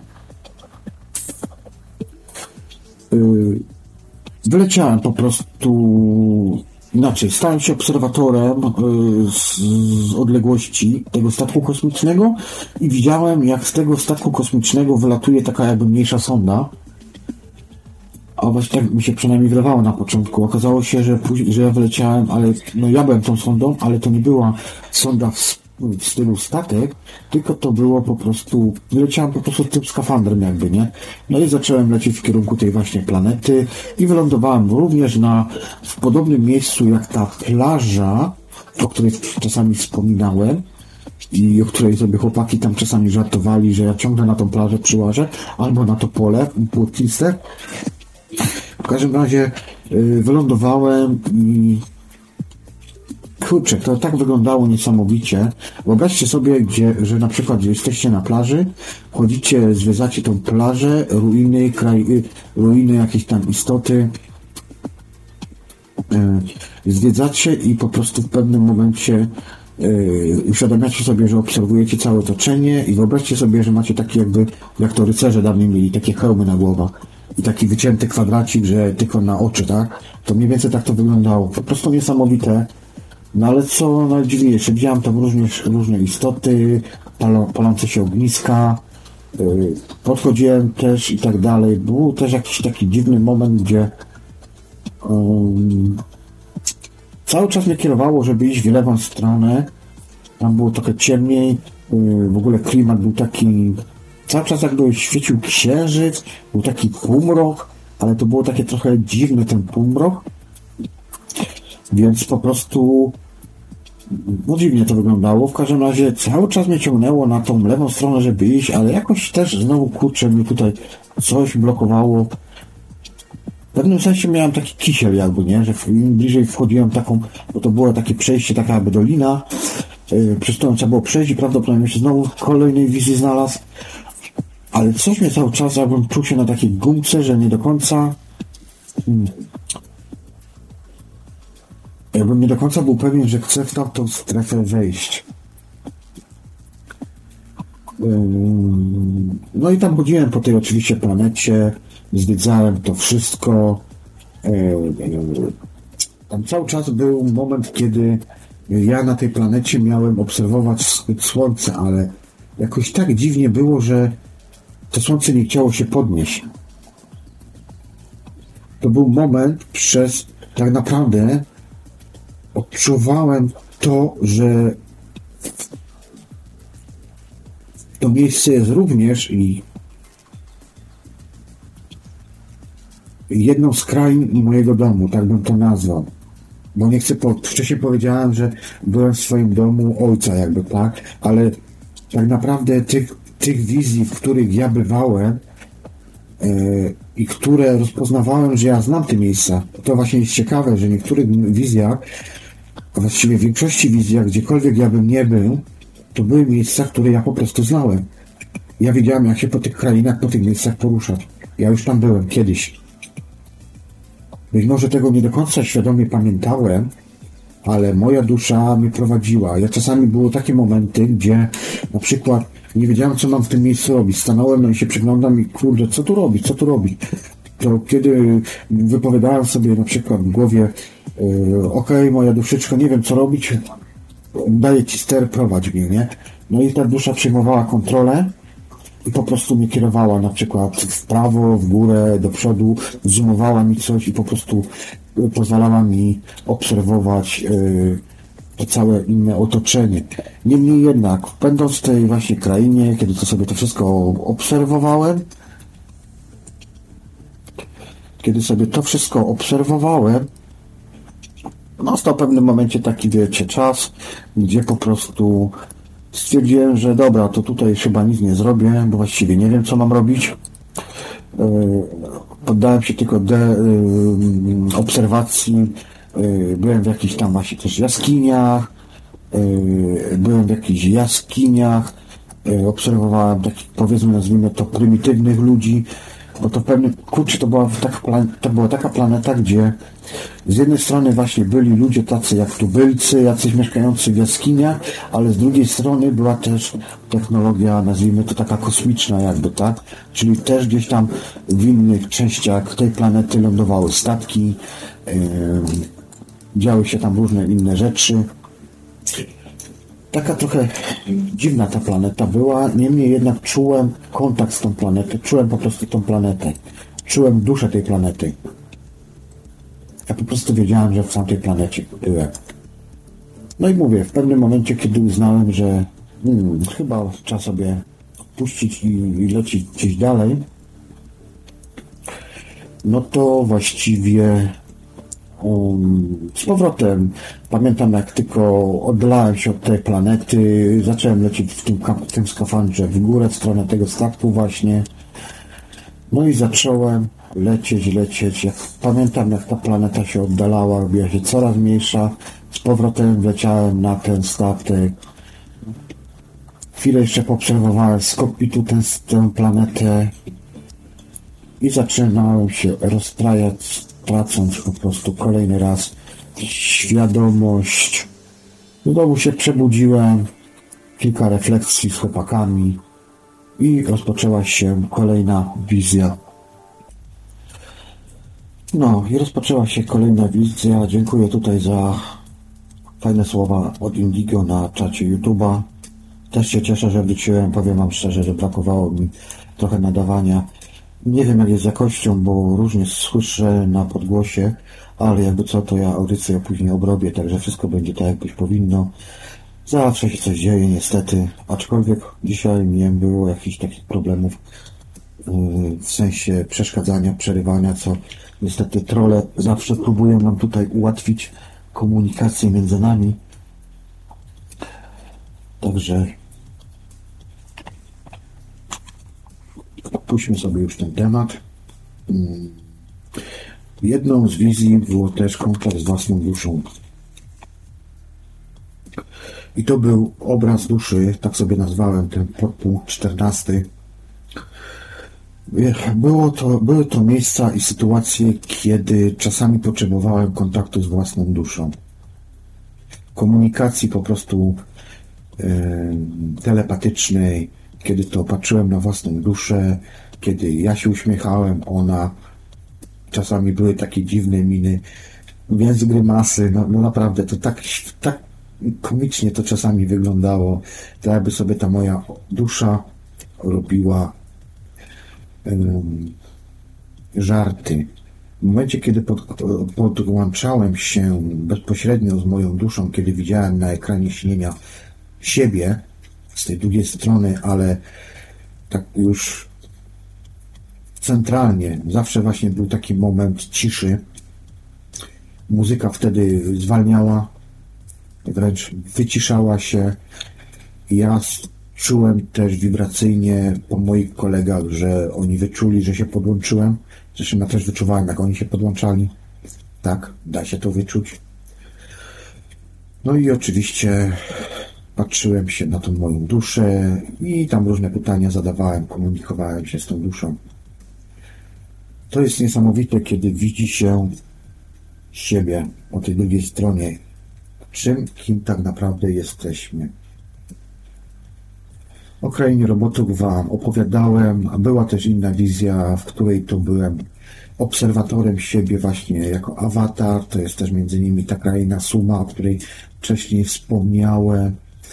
Jedna z wizji też była taka, pamiętam, że e, to już było nad ranem, ale jeszcze ciemno było na zewnątrz. W każdym razie e, było coś takiego, że e, kiedy skończyła się jakaś tam wizja, ja tam poszedłem na papierosa na zewnątrz, do toalety się wysikać i tak dalej, napić wody. Chwilę tam podyskutowaliśmy, porozmawialiśmy i w pewnym momencie mówię do chłopaków. Oczywiście czasami tam wsiadałem też na system, którym też trochę później opowiem o tym systemie, ale był taki moment, kiedy powiedziałem chłopakom, chłopaki, zapraszam was na wschód słońca. No i oczywiście siedząc na rogu łóżka, chłopaki się już tam położyli, ja zacząłem się koncentrować, na ścianie pojawił nam się znowu obraz śnienia, kiedy już wszedłem yy, w odpowiednią falę i wibrację. Yy, no i to zaczęła, zaczynaliśmy obserwować właśnie wschód słońca na tej planecie Suma, o której wcześniej mówiłem. Chłopaki, zapraszam was na wschód słońca. to było dobre. w każdym razie, jak żeśmy to obserwowali, to tylko było słychać wow, wow, wow, ale trza. Niesamowite, niesamowite było wszystko. Oczywiście tam słyszałem też telepatyczne głosy od chłopaków, którzy mi mówili oraz moja dusza mi podpowiadała, że masz niesamowicie poukładane w głowie, jakkolwiek by to nie brzmiało. Sobie sami tam odpowiadajcie, ja tylko mówię, co słyszałem. Hmm. Oczywiście były też chwile, momenty, gdzie po prostu brechtałem z tych całych wizji, bo na przykład jedną z wizji była wizja, kiedy um, jakby to nazwać? To była planeta, która znajdowała się w chmurach. Ja po prostu sobie latałem, siedziałem na chmurkach. No i tak sobie siedziałem, obserwowałem to całe otoczenie wokół siebie. No i kurczę, w pewnym momencie wizja mi się zmieniła w taki sposób, że zaczynałem widzieć krowy, różowe słonie, krowy, które zmieniały twarze, miały twarze konia na przykład, albo jakieś inne. To było tak śmieszne, że aż głupie. Co zresztą też spowodowało to, że ta wizja długo nie trwała, bo po prostu ze śmiechu nie byłem w stanie po prostu panować nad, nad, nad emocjami, nad tym wszystkim. Dlatego też yy, no, skończyła się dość szybko. Niemniej jednak była fajną wizją. Jakieś dziwne stworzenia latały, przesiadowały na tych chmurkach, obserwowały mnie, jakieś takie wydzigasy robiły i tego typu rzeczy.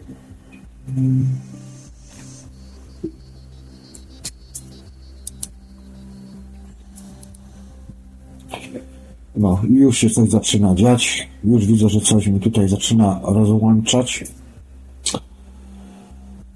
Już coś zaczyna tracić stream. Nikomu znowu już coś nie odpowiada. W każdym razie takie miałem wizje, właśnie nawet z takimi krowami. Yy, dajcie mi sekundkę, bo czy wszystko jest ok, czy mnie słychać, bo jakieś takie dziwne miałem przerwania na linii. Rozłączało mnie z serwerem radiowym.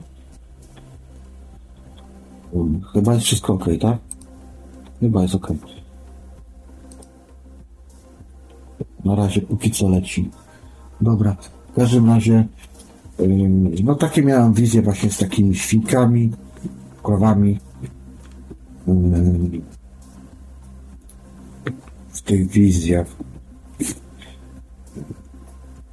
Była też oczywiście wizja o Białej Księdze Ramcie, o której też miałem zrobić audycję jeszcze w maju. Niestety te wszystkie zdarzenia, które tam mnie dotyczyły, po prostu musiałem po prostu, że tak powiem, zrobić sobie przerwę i po prostu okiełznać te wszystkie tematy. Ja tak, skoczyłem sobie tutaj na karteczka, więc przejdę sobie teraz może, bo mam część mam wizji informacji napisanych na kartkach, ale część mam rozpisane właśnie na e, telefonie. Wrócę może teraz do tej obserwacji z wypadku. Jedną z wizji była taka chęć, aby zobaczyć od tej drugiej strony, jak przebiegał mój wypadek. Mój wypadek przebiegał dokładnie tak samo jak w śnie i jak w realu. A więc jeszcze na wizji mniej więcej tak samo ten wypadek widziałem. Jeszcze zanim y, miałem wizję przed rozpoczęciem w ogóle wspólnego śnienia, rozmawiałem z chłopakami, no i oczywiście odpowiadali mi, że być może y, ktoś mi w tym pomógł, tak, że y, wystarczył inny, inaczej troszkę ruch kierownicą i bym się po prostu znalazł w innym położeniu. I pamiętacie, co na początku audycji wam powiedziałem, że czułem jakby taki od spodu chwyt ręki, który mi przekręcił kierownicę w jakiś taki dziwny sposób, że po prostu nie miałem dachowania, tylko po prostu przewróciło się auto i stanęło bokiem. No i po prostu w tej wizji, którą postanowiłem sobie sprawdzić, jak to wyglądało z tamtej strony, to się okazało. Okazało się, że siedziałem w aucie, również tak jak w realu, i w tym momencie, kiedy w realu zamknąłem oczy, poczułem właśnie komunikację ze swoją duszą. Yy, pomyślałem sobie również o nagradzie samochodowym, który miałem w samochodzie. Wyrzuciło mnie na zewnątrz i obserwowałem ten ułamek 2 czy 4 sekundy, jak to auto pędzi. Tak samo było właśnie w tym przypadku, czyli wizji. Jedyna różnica była taka, że widziałem w sposób energetyczny i w momencie, kiedy już było to zderzenie, kiedy ja szybko wyleciałem z auta, to wokół y, auta po lewej stronie tylnych drzwi stały dwie istoty i mała dziewczynka. Y, były one koloru złotego, a tylnych drzwi wychodziła postać energetyczna. Prawdopodobnie to byłem ja, bo ja tak wyleciałem szybko. No i tak sobie później pomyślałem i uświadomiłem sobie, że być może to była ta pomoc, że albo, nie wiem, w tym miejscu ktoś może wcześniej zginął, albo Holender wie co, ale po prostu musiałem otrzymać chyba jakąś wsparcie, pomoc z tej drugiej strony. I to widziałem właśnie w wizji, kiedy yy, dwie dorosłe, większe istoty, w sensie, że większe kule, i jedna mała dziewczynka właśnie czekały na mnie obok samochodu, kiedy ja wyskakiwałem. To był ten moment, kiedy zamknąłem oczy w realu i wypowiedziałem te słowa, o których wcześniej powiedziałem, czyli po prostu yy, o których powiedziałem. I te istoty mi to potwierdziły również w tej wizji. Powiedziałem widzisz, bo dałeś wszystko od siebie yy, dla tych istot, które są w tym aucie. I to też było takie jedno, no, emocja była niesamowita. Niemalże czułem, jak mam łzy w oczach, ale to nie takie łzy ze strachu czy coś, nie, z lęku. To były takie łzy szczęścia i miłości, pogodzenia się z wszystkim i tego, że nigdy nie jesteśmy sami. Zawsze jest wsparcie z tej drugiej strony.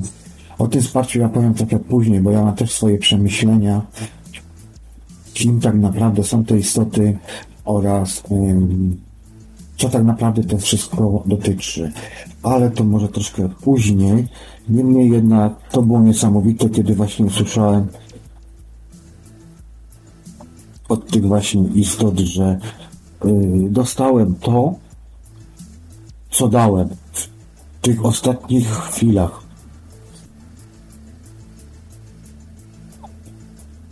To było niesamowite.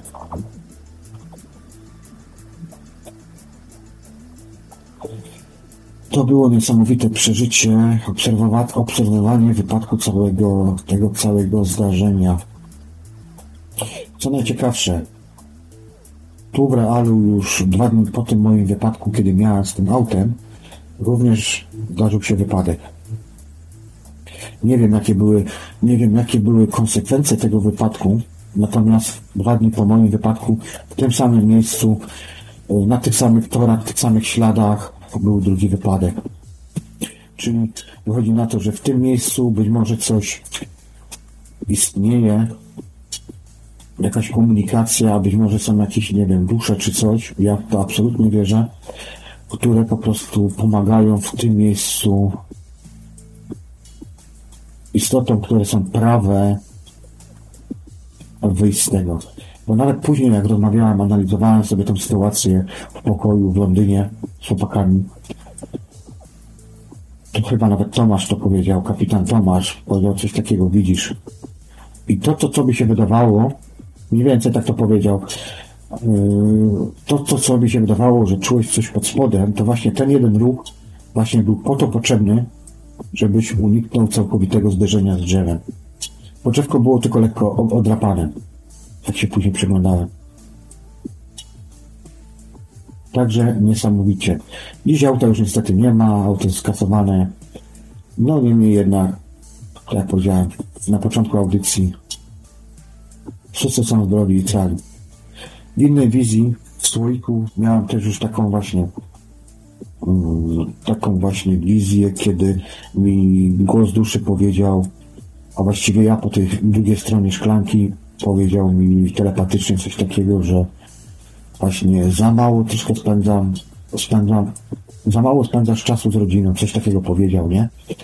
No i ja sobie tak później uświadomiłem, no tak, no żadne odkrycie, w sumie to racja, no. 13 lat mieszkam poza granicami kraju, więc jak najbardziej, dlatego teraz od momentu wypadku, no zawsze tak starałem się, nie, ale od momentu wypadku mi to uświadomiło, jak tak naprawdę życie jest kruche, ale też z drugiej strony, jak bardzo trzeba się cieszyć z tego, co się ma tu i teraz, w danym momencie.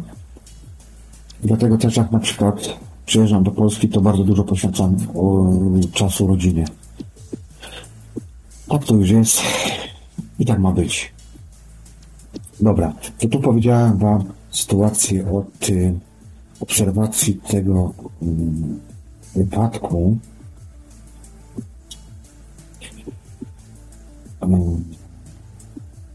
Miałem też oczywiście, to było już w czasie kuszenia. Dobra, to może opowiem. Nie będzie to może tak po kolei, jakbym chciał, ale mówię. Um, mniej więcej to obraz da tych wszystkich wizji, jakie miałem w trakcie tego pobytu całego w Londynie. Była też taka jedna z wizji, to była jedna z ostatnich wizji, właściwie chyba ostatnia, kiedy miałem propozycję oczywiście dealu.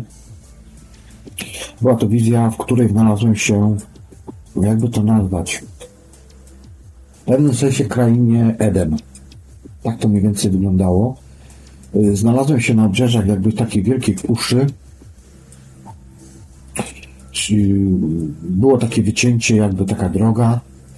Leciałem w powietrzu, oczywiście unosiłem się w powietrzu. Podleciałem pod takie niskie krzewy i zacząłem obserwować. Była polanka i na tej polance stał taki jakby starożytny budynek, taki coś w tym sensie. A właściwie to nie był budynek, to była taka jakby mury otoczone, były jakby takie mury. I ja podeszłem pod te, podleciałem pod te mury i wszedłem, było tam takie wejście, wszedłem, na środku oczywiście był jakby taki dom, taki starożytny dom, no i był oczywiście, były piękne drzewa, rzeki, kraina dosłownie miodem płynąca, na trawie leżały różne istoty, były na przykład kobiety z trzema cyckami, ale po prostu to wszystko wyglądało w jakiś taki dziwny sposób, w sensie jakimś takim, nie wiem, no dziwnie, dziwnie to wyglądało. W każdym razie wyglądało to, mówię, jakby jakaś taka stara kraina, gdzie wszystko jest, każdy każdego widzi, rozumie. Y, to była w pewnym sensie kraina miłości, no i ja sobie tak chodziłem po tej krainie, obserwowałem te różne ludzi, tam też się pojawiały takie dziwne, yy, no, dziwne byty z różnymi głowami. Te głowy się zmieniały i tak dalej, i tak dalej. I ja w pewnym momencie jakby mnie coś zaczęło kierować wzrok w stronę tego, tego budynku, jakby takiego głównego i przy tym budynku była, było drzewo. I to drzewo, ono było takie dziwne, ono było piękne, duże, rodne takie, ale na tym drzewie wisiała, e, wisiał jeden owoc. I kiedy już podleciałem tylko pod to drzewo, tylko to drzewo mnie tak naprawdę zainteresowało, wszystko wokół mnie zniknęło, pojawiła się szara mgła. To była wizja jedna z ostatnich, gdzie siedziałem na systemie, na systemie całym, balansującym. E, to już był właściwie dzień, na zewnątrz było już jasno. ale ja zamknąłem oczy, jeszcze się próbowałem dostroić, się dostroiłem, otworzyłem te oczy niefizyczne właśnie i y, znalazłem się już w tym mgle i było tylko to drzewo. Wokół tego drzewa pojawiła się istota kobiecej twarzy. I tak sobie przechodziła, przyglądała mi się, odchodziła, coś tam, coś tam. I oczywiście w pewnym momencie znowu nastąpiło coś takiego jak zatrzymanie czasu, stop klatka, no i centralne spojrzenie oczy w oczy na tą istotę, wymiana telepatyczna zdań, no i oczywiście propozycja układu, czyli na przykład, e, że mogę mieć wszystko, mogę mieć dostęp do e, do wszelkiej wiedzy, do wszelkiej informacji, jeżeli sobie tylko zażyczę tego, ale muszę sobie wziąć to jabłko. I były takie momenty, gdzie, znaczy ja i tak od samego początku wiedziałem, że tego jabłka nie wezmę. To było jabłko, ale to było jabłko takie koloru pomarańczowego. Coś jak taka zmarszczona pomarańcza, z takim jednym listkiem nawet z boku, ale to było jabłko. W każdym razie e, ja tymi rękami niefizycznymi, świecącymi rękami Y, podchodzi, wyciągałem rękę do tego jabłka, dotykałem tego jabłka, ale nawet przez myśl mi nie przyszło to, żebym po prostu to jabłko y, no powiedzmy zerwał, tak? Ale w momencie, kiedy na przykład brałem tą rękę, zbliżałem się w stronę jabłka, żeby dotknąć je, ta istota nagle znikała, a kiedy oddalałem, ta istota się pojawiała. I to było takie swego rodzaju jakby takie hmm, kuszenie, tak bym to nazwał. To było swego rodzaju jakby takie kuszenie, no ale oczywiście mając kontakt ze swoją duszą, ze swoją świadomością, wiedziałem, że nie pójdę na żadne układy i w tym momencie w tym momencie, tam były, nie, tam były jeszcze inne wizje, co teraz sobie przypominam. W każdym razie, i to była w pewnym momencie, kiedy już nie zrywałem tego jabłka, to też yy, zupełnie inna fala wibracji przyszła. Yy, zupełnie inna fala wibracji przyszła i też zrozumiałem, że tak naprawdę zostałem kolejnego jakby takiego doładowania turboenergetycznego i oczywiście uśmiech na twarzy i wszystko samo zadowolenie, yy, że nie, nie poddałem się tej jakiejś tam próbie E, no, niesamowicie, niesamowicie to wyglądało tutaj. Ale kraina była naprawdę kraina miodem płynąca wręcz. Swego rodzaju czuło się, jakby się po prostu było no, w domu.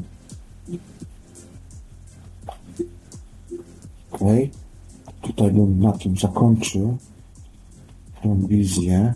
Jest jeszcze oczywiście najważniejsza wizja, o której tam opowiem. Zrobiłem zresztą dwa, trzy dni przed tym, jak, po tym jak przyjechałem już z tych wszystkich wizji. Yy, robiłem tutaj sobie malowidła w pańcie. Robiłem, oczywiście nie jestem jakiś tam wielkim malarzem, ale tam dwa obrazki udostępniłem. One są u mnie tutaj na, yy, na Facebooku, na stronie yy, Czasno oraz Radio Dreamtime. Oczywiście chyba tylko tam jest. Tylko tam, ale trochę tak w śmieszny sposób narysowane. No niestety nie jestem jakiś Picasso, żeby to wam y, pięknie zrobić. Zresztą nie czuję takiej nawet chyba potrzeby. Natomiast y, wiele rzeczy bym chciał namalować, ale nie jestem w stanie po prostu, bo nie jestem, nie jestem aż tak, że tak powiem, y, obeznany w malowaniu i w tworzeniu. Natomiast po tych wszystkich w ogóle wizjach był taka, miałem taką dziwną przypadłość, bo aż przez 12 godzin mnie strasznie głowa bolała. Tu od spodu czaszki. Że musiałem wręcz dwie tabletki wziąć przeciwbólowe, żeby stłumić ból. Przypuszczam, że to był właśnie efekt wzmożonego przepływu informacji, tak? Bo to się czuje, no, czuło normalnie po kręgosłupie, e, jak się te wszystkie wizje miało, jak była taka jakby wymiana informacyjna, po prostu ciała z mózgiem i no tak to bym nazwał, tak to bym nazwał. I jedną z takich też wizji e, było na przykład to, gdzie na przykład sobie siedziałem. Oczywiście to było już poza dostrojeniu, wyobrażałem sobie, że palę papierosa No i oczywiście też y, w smugach dymu okazywały się różne, y, różne scenerie, różne wizje, twarze i tak dalej, i tak. Także to też była taka dość mm, dość ciekawa koncepcja i pogląd na to wszystko. Były też momenty w moich wizjach, kiedy to yy, wszystko miałem do góry nogami. I co najgorsze, miałem cholerny problem, żeby właściwie nie byłem w stanie, właściwie nie byłem w stanie yy, normalnie widzieć. Czyli kiedy chciałem na przykład, to już mi, ja, mi to już było znane, bo ja już to wiele razy miałem takie plany, plany, plany w astralu, gdzie po prostu e, świat odwraca się do góry nogami. I tak samo w tych wizach miałem. Również kiedy widziałem też, powiedzmy, jak to nazwać, z innej, z innej płaszczyzny siebie, ale gdzie byłem już istotą kosmitą, tak to nazwę, kosmitą, tak? O, o, o różnej twarzy, te twarze się ciągle zmieniały, ale zawsze była taka jedna, której, którą zawsze widzę w swoich wizach, nieważne czy to był czas snu 01, czy 5, czy 10, czy jeszcze jakieś inne opowiadania z wieczorowych pół, pół w radiu na fali, zawsze jest ta sama postać, tą samą postać widziałem choćby nawet y, w lusterkach, y, gdzie przeglądałem się w tamtym roku, obserwowałem przyszłość, yy, gdzie widziałem na przykład Europę zasłaną chmurami, ale na przykład nad yy, właśnie tam, gdzie teraz jest Meksyk, gdzie się wszystkie te akcje dzieją oraz wcześniej huragan Irma, czy nawet Afryka pojawiała mi się ta istota. Dokładnie ta sama istota była tu również w tych wizjach, więc zawsze mi się pojawia ta sama dusza. To ja wiem, że to jestem ja.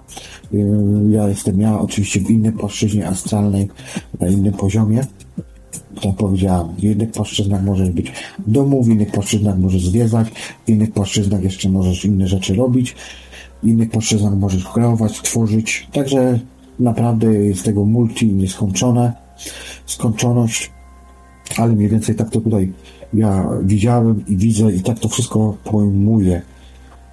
Także tutaj, jeżeli chodzi o te obserwacje tego regionu, no cóż, nie mogłem nic zrobić, jedynie co to mogłem obserwować, one po, czasie, po jakimś tam czasie dostrojenia do innych yy, wibracji oczywiście również przechodziły. Przechodziły i wracały później do normalności. Jedną z moich takich też intencji było, ponieważ mam tutaj kolegę, który ma problemy z kręgosłupem, z barkiem, naprawdę kolosalne problemy ma, aczkolwiek już widzę, że zmienia się to, miał, bo zmienia się, to było doświadczenie przesłania energii na odległość. I tutaj postanowiłem pomóc tutaj Mariuszowi i to było gdzieś około godziny czwartej nad ranem, e, kiedy wyraziłem intencję przesłania energii, wprowadziłem się w odpowiedni trans, e, takiej uzdrawiającej energii, naprawczej energii dla właśnie mojego kolegi Mariusza. No i rzeczywiście tak było, zrobiło i co ciekawe, mm, ja w tej wizji również próbowałem Mariusza telepatycznie. On mi później potwierdził to, że o czwartej rano się przebudził i miał wrażenie, że ktoś jest w pokoju. I co ciekawe, jak się obudził, mówił, że nie czuł kompletnie żadnego bólu. Więc tu mi Mariusz potwierdził, bo mówię, rozmawialiśmy na ten temat dwa czy trzy razy. Upewniałem się po prostu, czy faktycznie sobie jaj nie robi, czy coś to potwierdził, że miał taką właśnie dziwną sytuację, że wybudził się ze snu, że miał wrażenie, że ktoś tu jest w pokoju, ja tu stałem, wtedy ja mu powiedziałem, w którym miejscu stałem, pokazałem mu, on mniej więcej tak potwierdzał, że tak chyba musiało być, ale położył się spod ale mówił, że opowiadał mi tam, że miał sen jakiś ze mną też, być może on był w moim śnie albo ja w jego, to w sumie nieistotne, ale potwierdził to i rzeczywiście mówi, że później przez dwa, trzy dni chodził normalnie tak naładowany energetycznie, że, że po prostu, że w ogóle żadno, żadnego bólu tej części, która go zawsze tutaj od no, paru lat boli, ma taką przespadłość, niestety z kręgami. Także to też było bardzo fajne, fajne doświadczenie, niesamowite doświadczenie wręcz. Także tak to u mnie tu wyglądało. No, tak to wygląda w tych wizjach. Myślę, że teraz będą chyba najciekawsze wizje. Między innymi chodzi mi tutaj A może jeszcze zanim do tego dojdę, to jeszcze w jednej wizji było takie coś jak y, widziałem zarówno w trakcie normalnego śnienia, jak i też później, jak żeśmy patrzyli na słoi y, siebie, gdzie nadaje, gdzie nadaje, gdzie nadaje po prostu za mikrofonem, czyli też prowadzi jednak tę stację radiową. W tamtych wizjach to też się potwierdza w tym, co jeszcze parę lat temu, też dwa, czy cztery, pięć lat, sześć lat temu widziałem siebie również za mikrofonem, o której tu zresztą nieraz mówiłem i która to była inspiracją do tego, żeby właśnie zrobić swoje radyjko czas, no, Także tu w tych wizjach, y, w tym wspólnym sieniu też miałem taką sytuację, kiedy obserwowałem sobie, właśnie w tym domu ojca, w którym to mówiłem, obserwowałem siebie właśnie poza za mikrofonem w prawym rogu pokoju swojego, bo to nie był dom, tylko to był pokój tam, w tej wizji, gdzie obserwowałem siebie właśnie obserwującego, po, znaczy nadającego po prostu jakąś audycję radiową. Także czy to było mi pisane, żeby nadawać? Kto wie, kto wie. Każdy ma swoje jakieś tam. Y, Jeszcze też oczywiście, jak wspomniałem, zawsze w trakcie wizji jest dostęp do bibliotek. Tak, ja miałem tutaj również dostęp do bibliotek oraz do pełnej, całkowitej wiedzy kosmosu. Jedną z takich najbardziej e, zastanawiających wizji e, było też wizja w pokoju, kiedy było takie największe dostrojenie, było właśnie Magrabów, Sputnika. Sputnik jeszcze też w ogóle ciekawą, jest ciekawym urządzeniem. To jest, jeżeli ktoś ma Healthplana, to przy tym to jest po prostu pikuś. Yy, na czym polega ten sputnik? Wchodzisz, siadasz na system balansujący, pod spód dajesz dwie czarne blaszki, yy, na ręce dwie czarne blaszki, albo gdzieś tam na przykład na kolana, bo ja sobie tak lubiłem robić, odcinać, czyli zawsze jak się w systemie człowiek odcina, to idzie to od strony stóp w górę ciała i wychodzisz koroną, tak?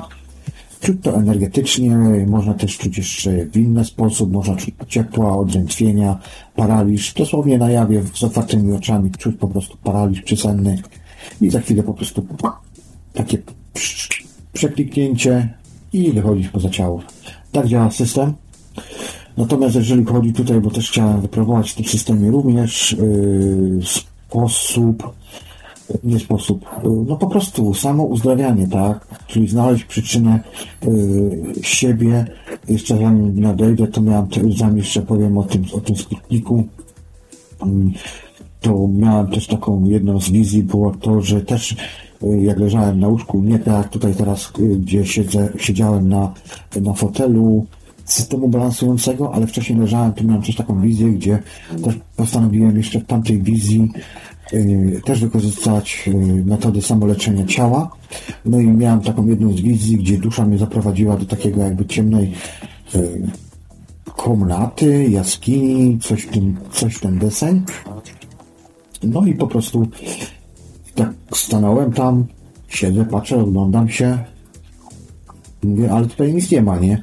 I dusza mi w tym momencie powiedziała, no widzisz, to jest komnata raka, ale nie bój się, nie martw się, ty nie masz raka. No i coś w tym sensie, tak? I po prostu, aha, to w porządku, jeszcze chwilę tam powstałem, popatrzyłem naokoło, po prostu skończyła się wizja, poleciałem gdzieś tam dalej, nie? Ale tutaj siedząc na tym systemie balansującym, gdzie miałem pod nogami podkładki właśnie, dwie czarne nanocoatingowane podkładki, y, na kolanach miałem dwie i prawą ręką miałem, prawej ręce miałem sputnika, jest to takie trochę niewygodne urządzenie, ale myślę, że z czasem to będzie jakaś minimalizacja zrobiona na bank. Po prostu generalnie jest tak, że yy, bo mam też takie jedno, jedno, dwa miejsca w organizmie, że te miejsca mnie po prostu bolą. To jest wynik po prostu pewnej przypadłości, która mi się parę lat temu zdarzyła, kiedy miałem jakieś tam problemy jelitowe.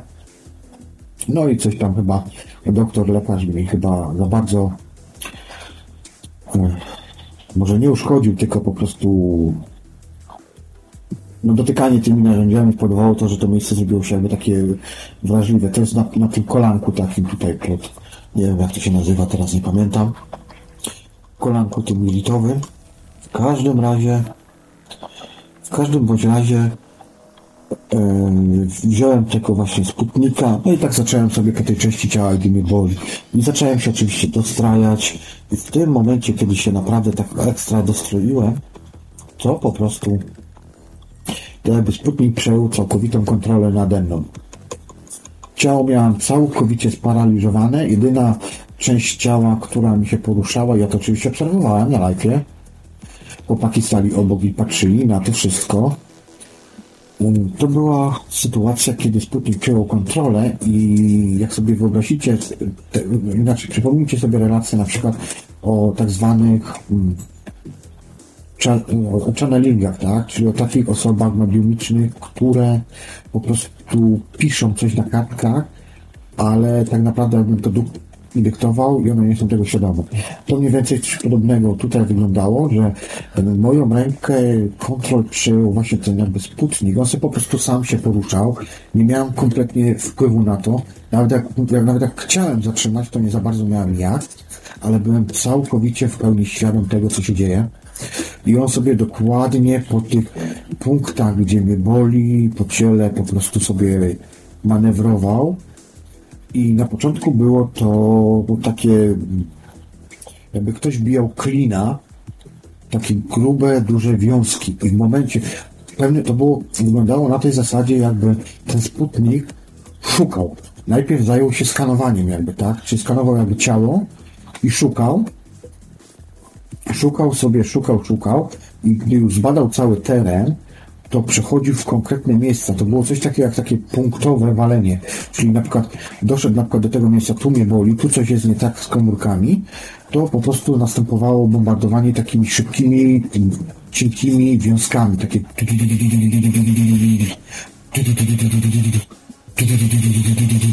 coś takimi seriami jakby, nie? I nagle w tym miejscu się robiło ciepło, to jakby coś puszczało i po prostu ból znikał. I kolejna część, kolejna część, gdy zrobił już tą inną część, która mnie boli, przechodził w stronę bardziej splotu słonecznego i w ten splot słoneczny, czyli to miejsce połączenia nasze, yy, naszego materializmu, tak, z duchowością.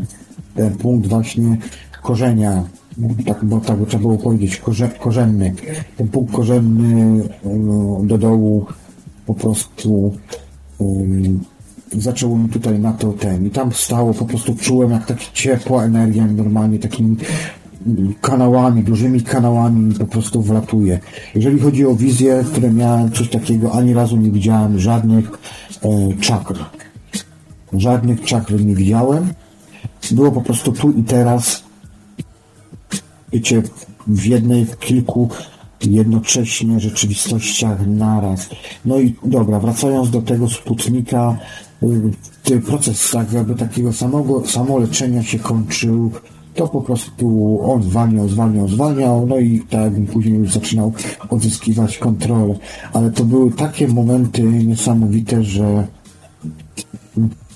w ogóle siedząc na systemie balansującym, trzymając sputnika e, wokół siebie czuło się takie to zagęszczenie materii. To, był ten, to była ta granica, ten moment, gdzie ta rzeczywistość materialna inaczej, między siedzeniem a wieżyczkami systemu balansującego była inna atmosfera, był inne czucie rzeczywistości. W pewnym sensie jakby była taka antygrawitacja, jakby nie było w ogóle grawitacji i widziało się tylko taką niewidzialną jakby przestrzeń, mgłę, coś w tym sensie.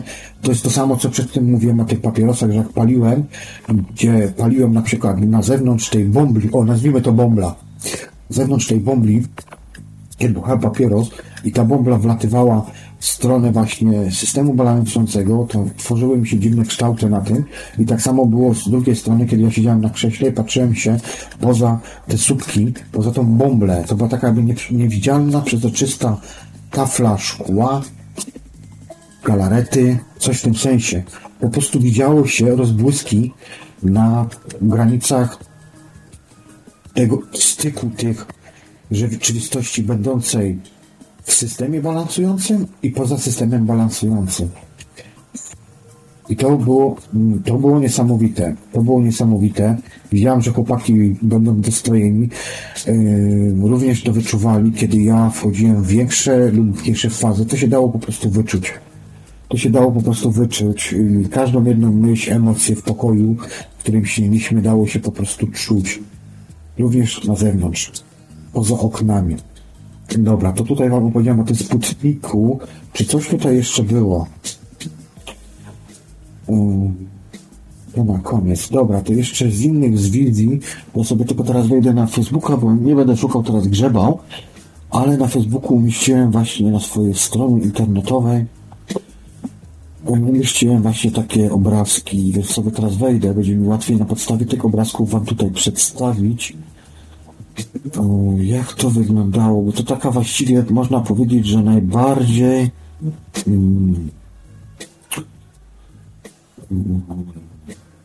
to jest lodowa tafla, tak to nazwałem, ekran silny oraz źródło.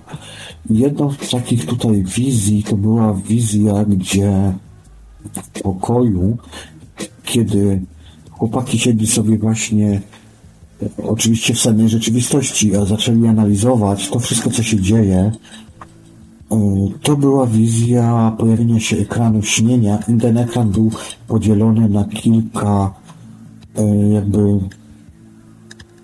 no, kilka miejsc, kilka sytuacji działo się na tym ekranie.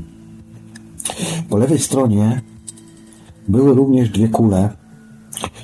Nie jestem pewien, czy to byli moi koledzy wspólni Tomasz oraz Przemek, natomiast być może to były inne istoty.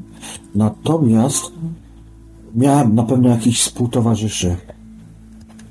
Ja byłem, pojawi, pojawił mi się ekran śnienia, coś takiego jak no, projektor, tak byśmy to nazwali. No i po prostu na tym projektorze widziałem widziałem siebie tak naprawdę w postaci świetlistej, elektrycznej. Energia po prostu, energia. Pomieszczenie było całkowicie ciemne, to była jakby taka komnata z ciemności Y, stopniowo mi się wszystko zaczęło krystalizować. Na początku mówię, widziałem te dwie kule, potem mi się pojawił obraz. Y, na ten obraz wchodziła mi raz jedna kula, raz druga. Później skapowałem się, że to jestem ja. Tam trochę też dusza mi podpowiedziała, mój głos podpowiadał mi, że to jestem ja. W pewnym też sensie y, momencie powiedział, no, to dotarłeś do granic swojego kosmosu, swojego wszechświata, coś w tym sensie, nie? I później już tylko, ja już wtedy skopowałem się, już tylko wiedziałem, ok, to już jest koniec mojego wszechświata, teraz to już tylko pozostał kosmos. No i tak sobie się przyglądałem, przyglądałem, tak patrzyłem, no to wyglądało jak taka zamazana tafla szkła. Chłopaki będą wiedzieli o co chodzi, bo oni tam dość mocno dyskutowali na ten temat. Wtedy, kiedy ja robiłem, oni właśnie patrzyli od strony energetycznej.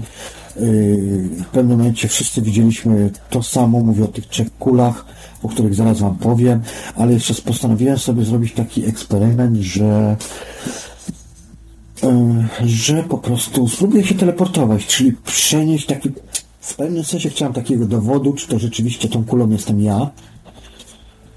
E, I nawet wyobrażałem sobie, że podnoszę rękę i automatycznie ta kula, tej kuli, bo to była tak, była bombla kuli złocistego koloru i w tej kuli byłem ja.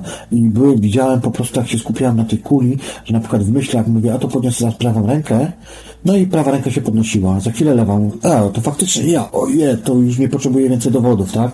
I tak sobie pomyślałem, no to spróbuję sobie zrobić parę eksperymentów i zaczynałem się, że tak powiem, teleportować.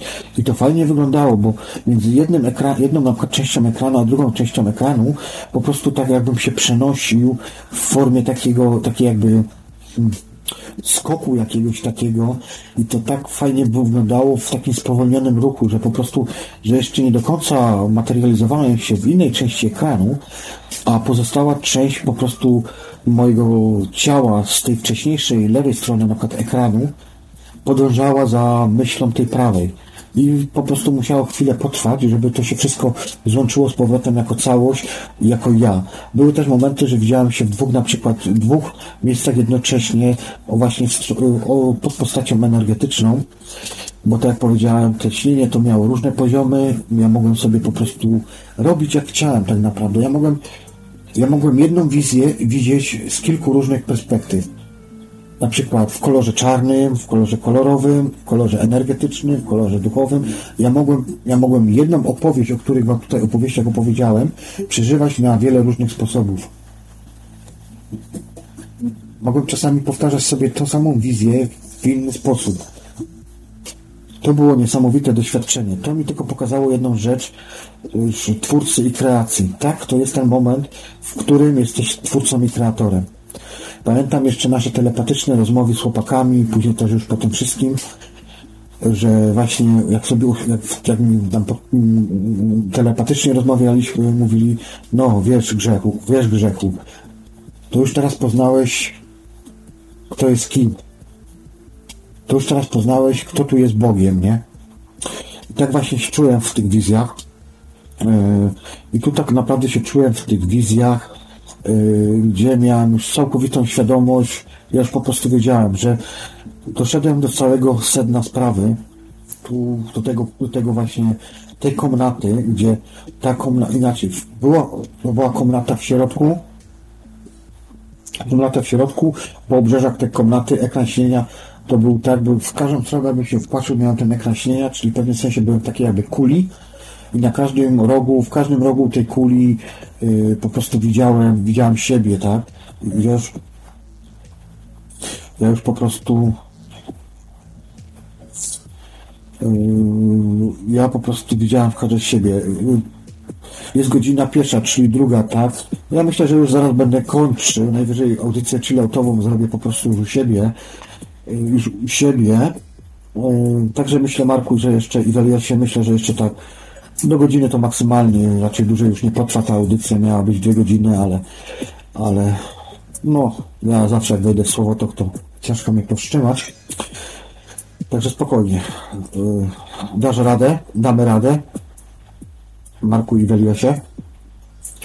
W każdym razie tak tutaj kreacja wyglądała. Co jeszcze ciekawe, pokój był, tak jak mówię, otoczony taką taflą szkła, taflą szkła takiego mglistego, jakoś zamgłą przezroczystego szkła, na którym ja się poruszałem na, na tym szkle. Pokój był czarny, na środku było czarne pudełko. To była wizja, również tą samą wizję miałem y, w pierwszej wizji czasu 01 w grudniu 2016 roku. To samo było i przerabiałem różne, różne sytuacje osobiste i problemy. E, I generalnie polegało to na to, otwierało się pudełko, czyli okej, okej, okay. E, damy radę, damy radę.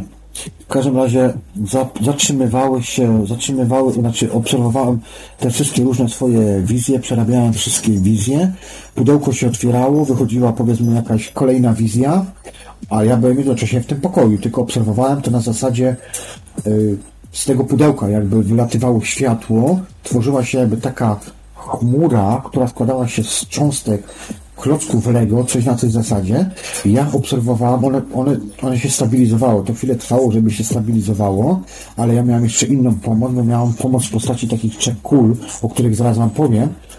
Ja po tych kulach widziałem, czy się dostrajam, czy nie. Niesamowicie mi to pomagało w tym ale te, tak mówię, z, tej, z tego pudełka, takiego czarnego pudełka, na, na, te rogi tego pudełka były otoczone różnymi takimi jakby znakami runicznymi, jakimiś symbolami.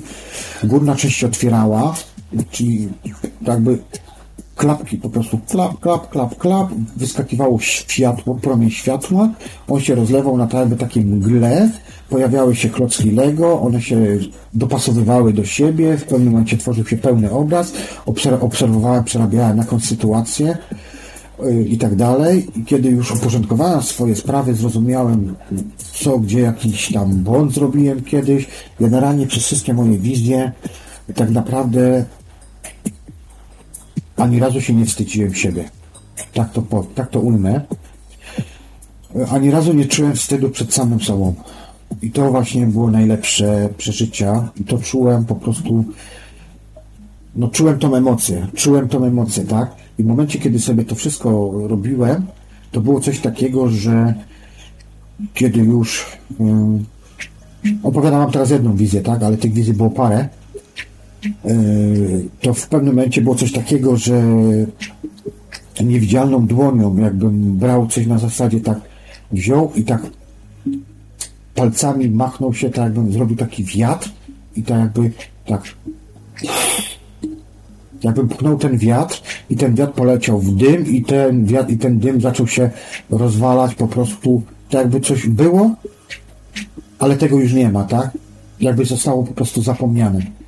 I w tym momencie te klocki wszystkie, które tam się rozlatywały, powrotem były jakby wsysane przez jakby taką trąbę do tego pudełeczka i to pudełeczko się zamykało, zamykało i później kolejna wizja, kolejna wizja i tak dalej. I znowu jak byłem gotowy, obserwowałem to ekran śnienia z każdej płaszczyzny, tę postać energetyczną,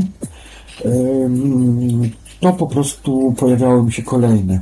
Ale teraz wróćmy jeszcze może do tych kuleczek. O te kuleczki bardzo wyraźnie chłopaki obserwowali te kulki. Yy, wiem, że tutaj mieli potwierdzenia tego, co robią. Oni tu podchodzili do tego od strony technicznej. Ja natomiast nie jestem tutaj techniczny. Jestem tylko eksperymentatorem. W pewnym sensie dzięki mnie tak naprawdę chłopaki tutaj rozumieją pewne procesy i bardzo mnie to cieszy, bo nie każdy jest nie omnibusem, ale o, w pewnym sensie może, może tak powiem, ale nie wiem, czy to jest dobre słowo, po prostu poprzez mnie, że tak powiem, jestem takim jakby emiterem, nośnikiem, tak, i poprzez mnie mogą też sprawdzać y, tą technologię od strony energetycznej. I oni to widzieli, ja też to widziałem. Były takie trzy wirujące kule koloru czarnego, wystawały one wokół siebie białą poświatę, yy, szczelały iskrami, one wibrowały w każdym poziomie, prawo, w lewo, w górę, w dół, na boki kibotały się, ale w momencie, kiedy ja, yy, kiedy ja to był właśnie taki moment, to się dało wyczuć, kiedy ja, że tak powiem, myślami y, byłem w stanie te trzy kule postawić w jednym. Na początku w ogóle nie rozumiałem, dlaczego oni, jeszcze pamiętam, Tomasz mi podpowiadał na lewe ucho, Mówię, no stary, no wiesz co masz robić, przecież masz klucz, wiesz już co z tym kluczekiem masz zrobić, wiesz już masz, jak masz dopasować. A ja mu odpowiadałem, że tak, ja wiem, ale nie jestem pewien, czy o to wam chłopaki chodzi. No i była cisza, oczywiście wiedziałem, że o to chodzi. Generalnie chodziło o to, żeby te trzy kule połączyły się jakby mm, w jednym poziomie i w tym momencie następował właśnie naj, największy, największy kontakt z moim źródłem, z, z moim samą. Wtedy miałem najlepsze dostrojenia, wtedy byłem najbardziej dostrojony, wtedy właśnie czułem, że jestem w domu. Wtedy czułem, że jestem twórcą i kreatorem, ale taki na tip-top, na, na maksa. Wtedy wiedziałem, że to ja jestem tym Bogiem. I dlatego zawsze tak mówię, powtarzam, będę to mówił. Nie pod wpływem tylko tej jednej wizji, pod wielu wpływach, ale te wizje po prostu tak na mnie cisnęły piętno, że po prostu no ja już tu więcej chyba nic nie potrzebuję. Eee, I tak to mniej więcej tu wyglądało.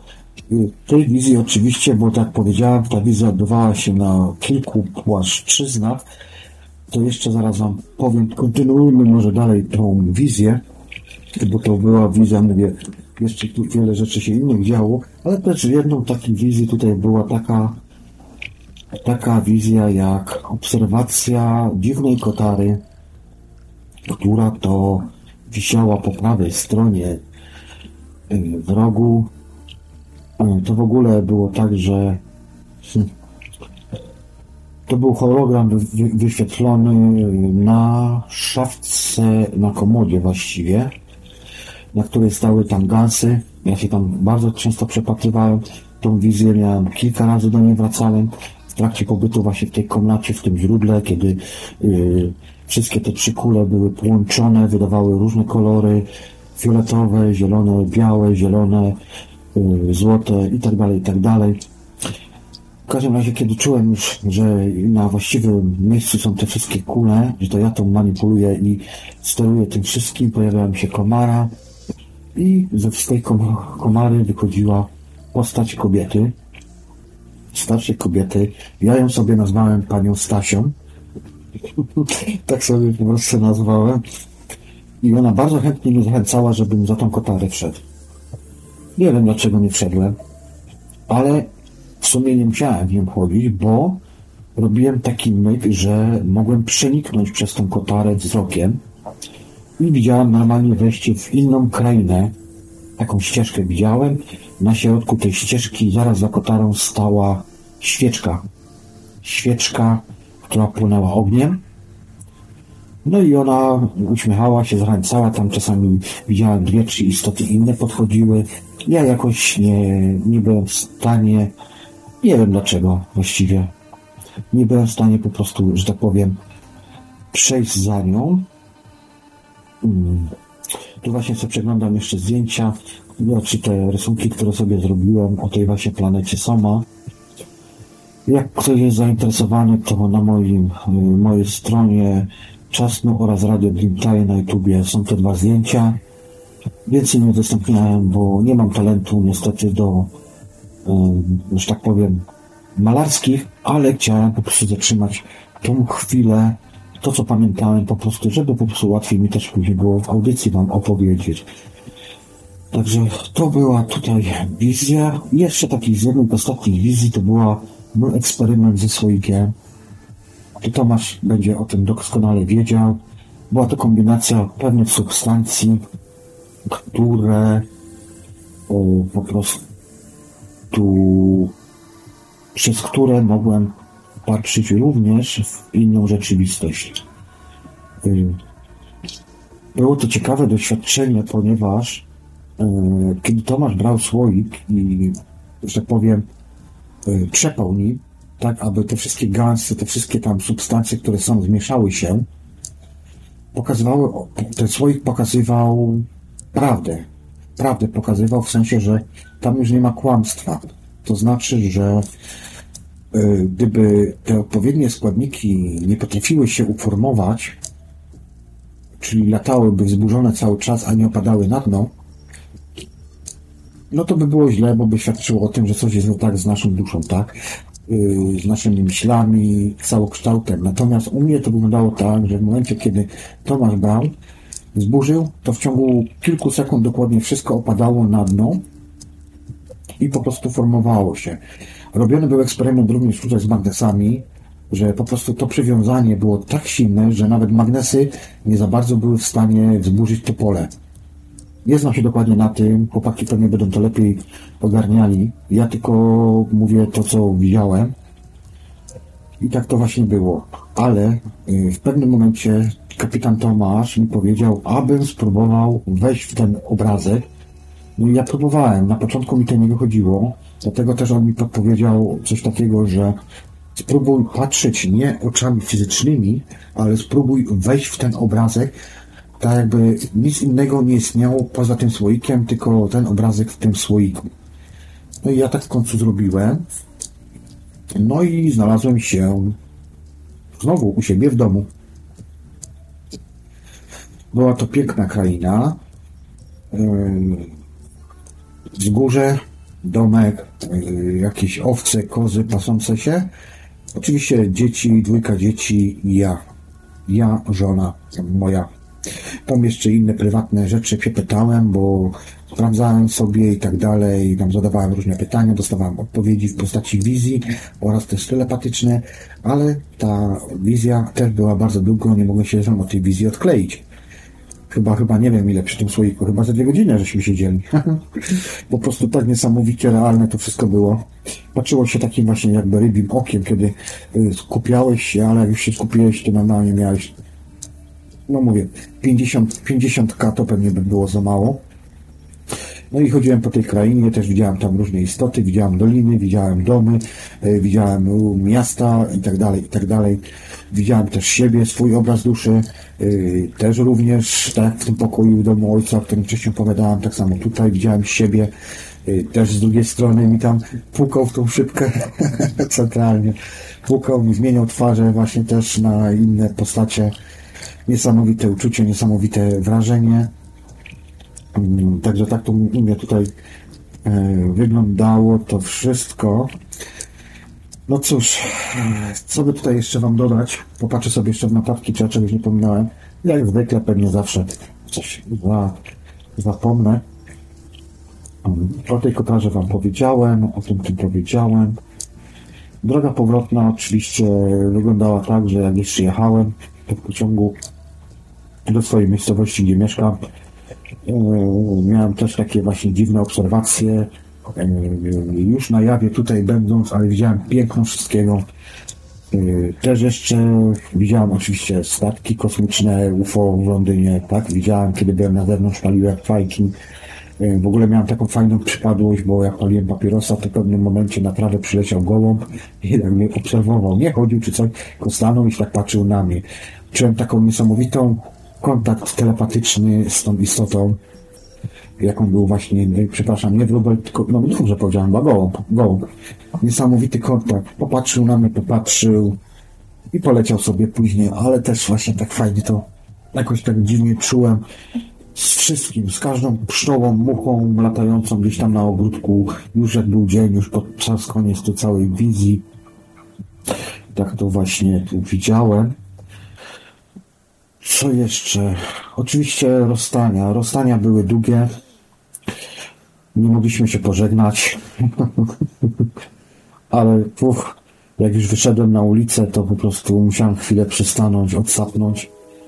Bo taka była emocja z tej wspólnej podróży. Ile się tam żegnaliśmy? Trzy razy? Cztery? Nie mogliśmy się odkleić. Pozdrawiam chłopaki was. Mam nadzieję, że będzie jeszcze nie jedna taka wspólna podróż. Wspaniała podróż. Wspaniała podróż.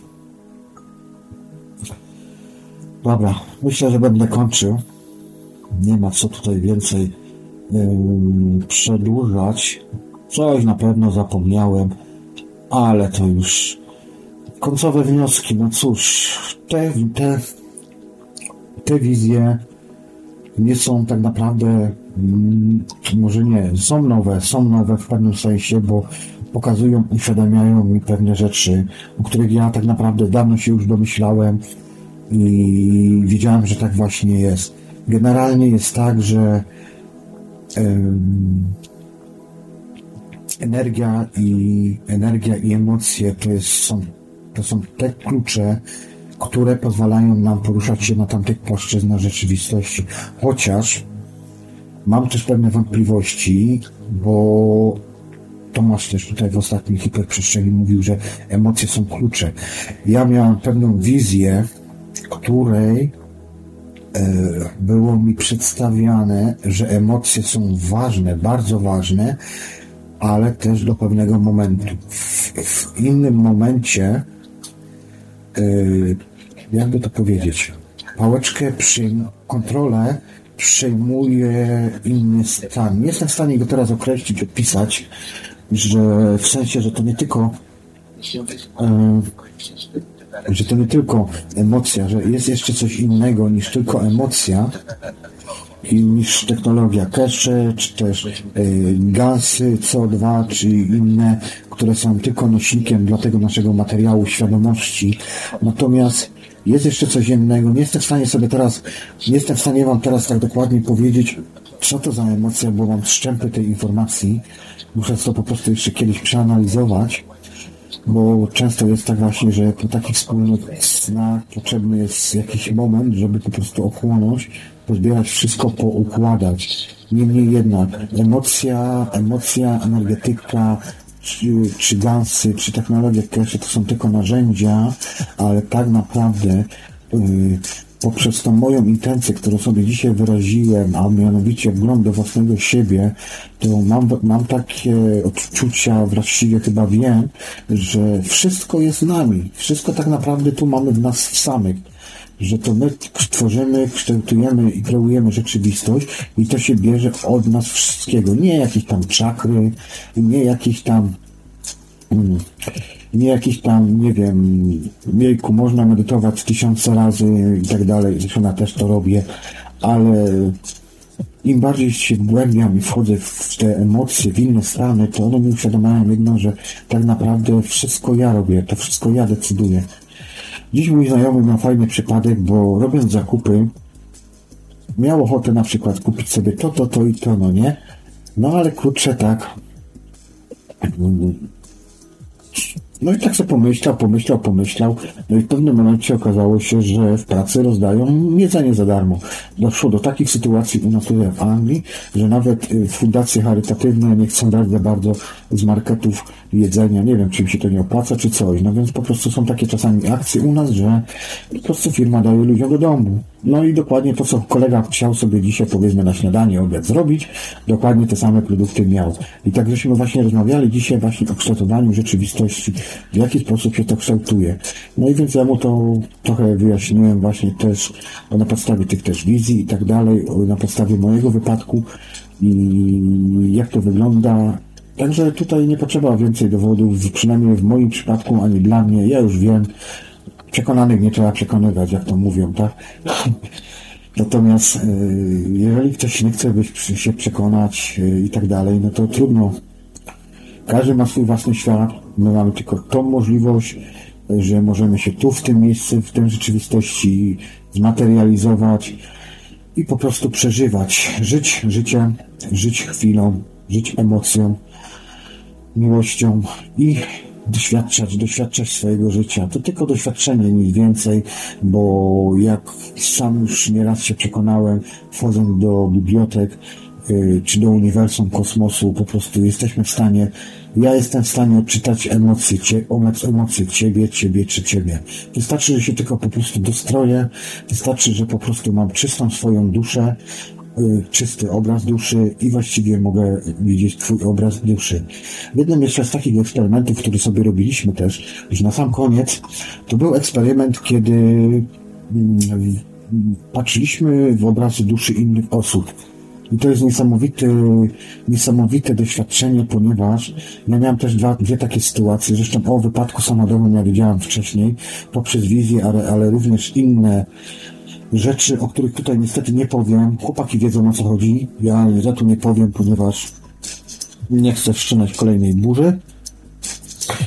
Natomiast yy, wiedziałem, że takie rzeczy się zdarzą. Miałem ostrzeżenia, że tak powiem. I po prostu wiedziałem, że to się zdarzy. Natomiast tutaj była jeszcze taka wizja jedna, gdzie właśnie obserwowaliśmy dwóch pewnych panów, nie powiem nazwiska imienia, ale w Polsce z alternatów yy, znanych, gdzie po prostu zanim coś powiedzieli, to widzieliśmy ich obraz duszy. To jest tak jak na, jakby na ekranie telewizora yy, przy dostrojeniu oczywiście systemu balansującego i tak dalej można było widzieć jakby dwa nakładające się na siebie obrazy. Jeden obraz to był obraz rzeczywisty, realny, tu w tej rzeczywistości, a drugi to był obraz duszy. I zanim jeszcze ta osoba coś powiedziała, my żeśmy widzieli już z lekkim wyprzedzeniem, jak ta osoba za chwilę się zachowa. I to też jest naprawdę jedno z niesamowitych um, rzeczywistości, które mi też się tutaj kiedyś zdarzyły w realu, u mnie tu w mieście, gdzie mieszkam. Miałem dwie takie przypadłości, gdzie widziałem właśnie taki obraz duszy dwóch pewnych osób, będąc na spacerze powiedzmy z kilkoma osobami, gdzie ja tylko to wiedziałem, ale te osoby nie. Ale doskonale wiedziałem, co ta osoba ma w głowie, a co nie. I to jest właśnie najbardziej przerażające dla tych wszystkich ludzi, którzy boją się technologii cache, bo jak się okaże, może już niedługo okazać, może być to tak, że kto pojął i zrozumiał um, doszedł do swojego klucza, bo technologia jest tylko narzędziem, które nam pozwala. Później nie potrzebujemy tak naprawdę tej technologii, bo kiedy już poznamy i zrozumiemy, na czym to wszystko polega, to możemy to robić w każdej chwili i w każdym momencie. I to jest właśnie ta technologia, której się boją ci wszyscy ludzie, że w pewnym momencie wystarczy, że tylko na niego popatrzę, ja będę o nim wszystko wiedział. Ja będę wiedział, czy ja mam z taką osobą robić deal, czy nie. Czy lepiej iść swoją drogą, a ta osoba nie widzi swoją. Ale zawsze powtarzam jedno. Zawsze są konsekwencje naszych własnych decyzji. I tego Wam tutaj życzę, abyście podejmowali właściwe decyzje w Waszym życiu.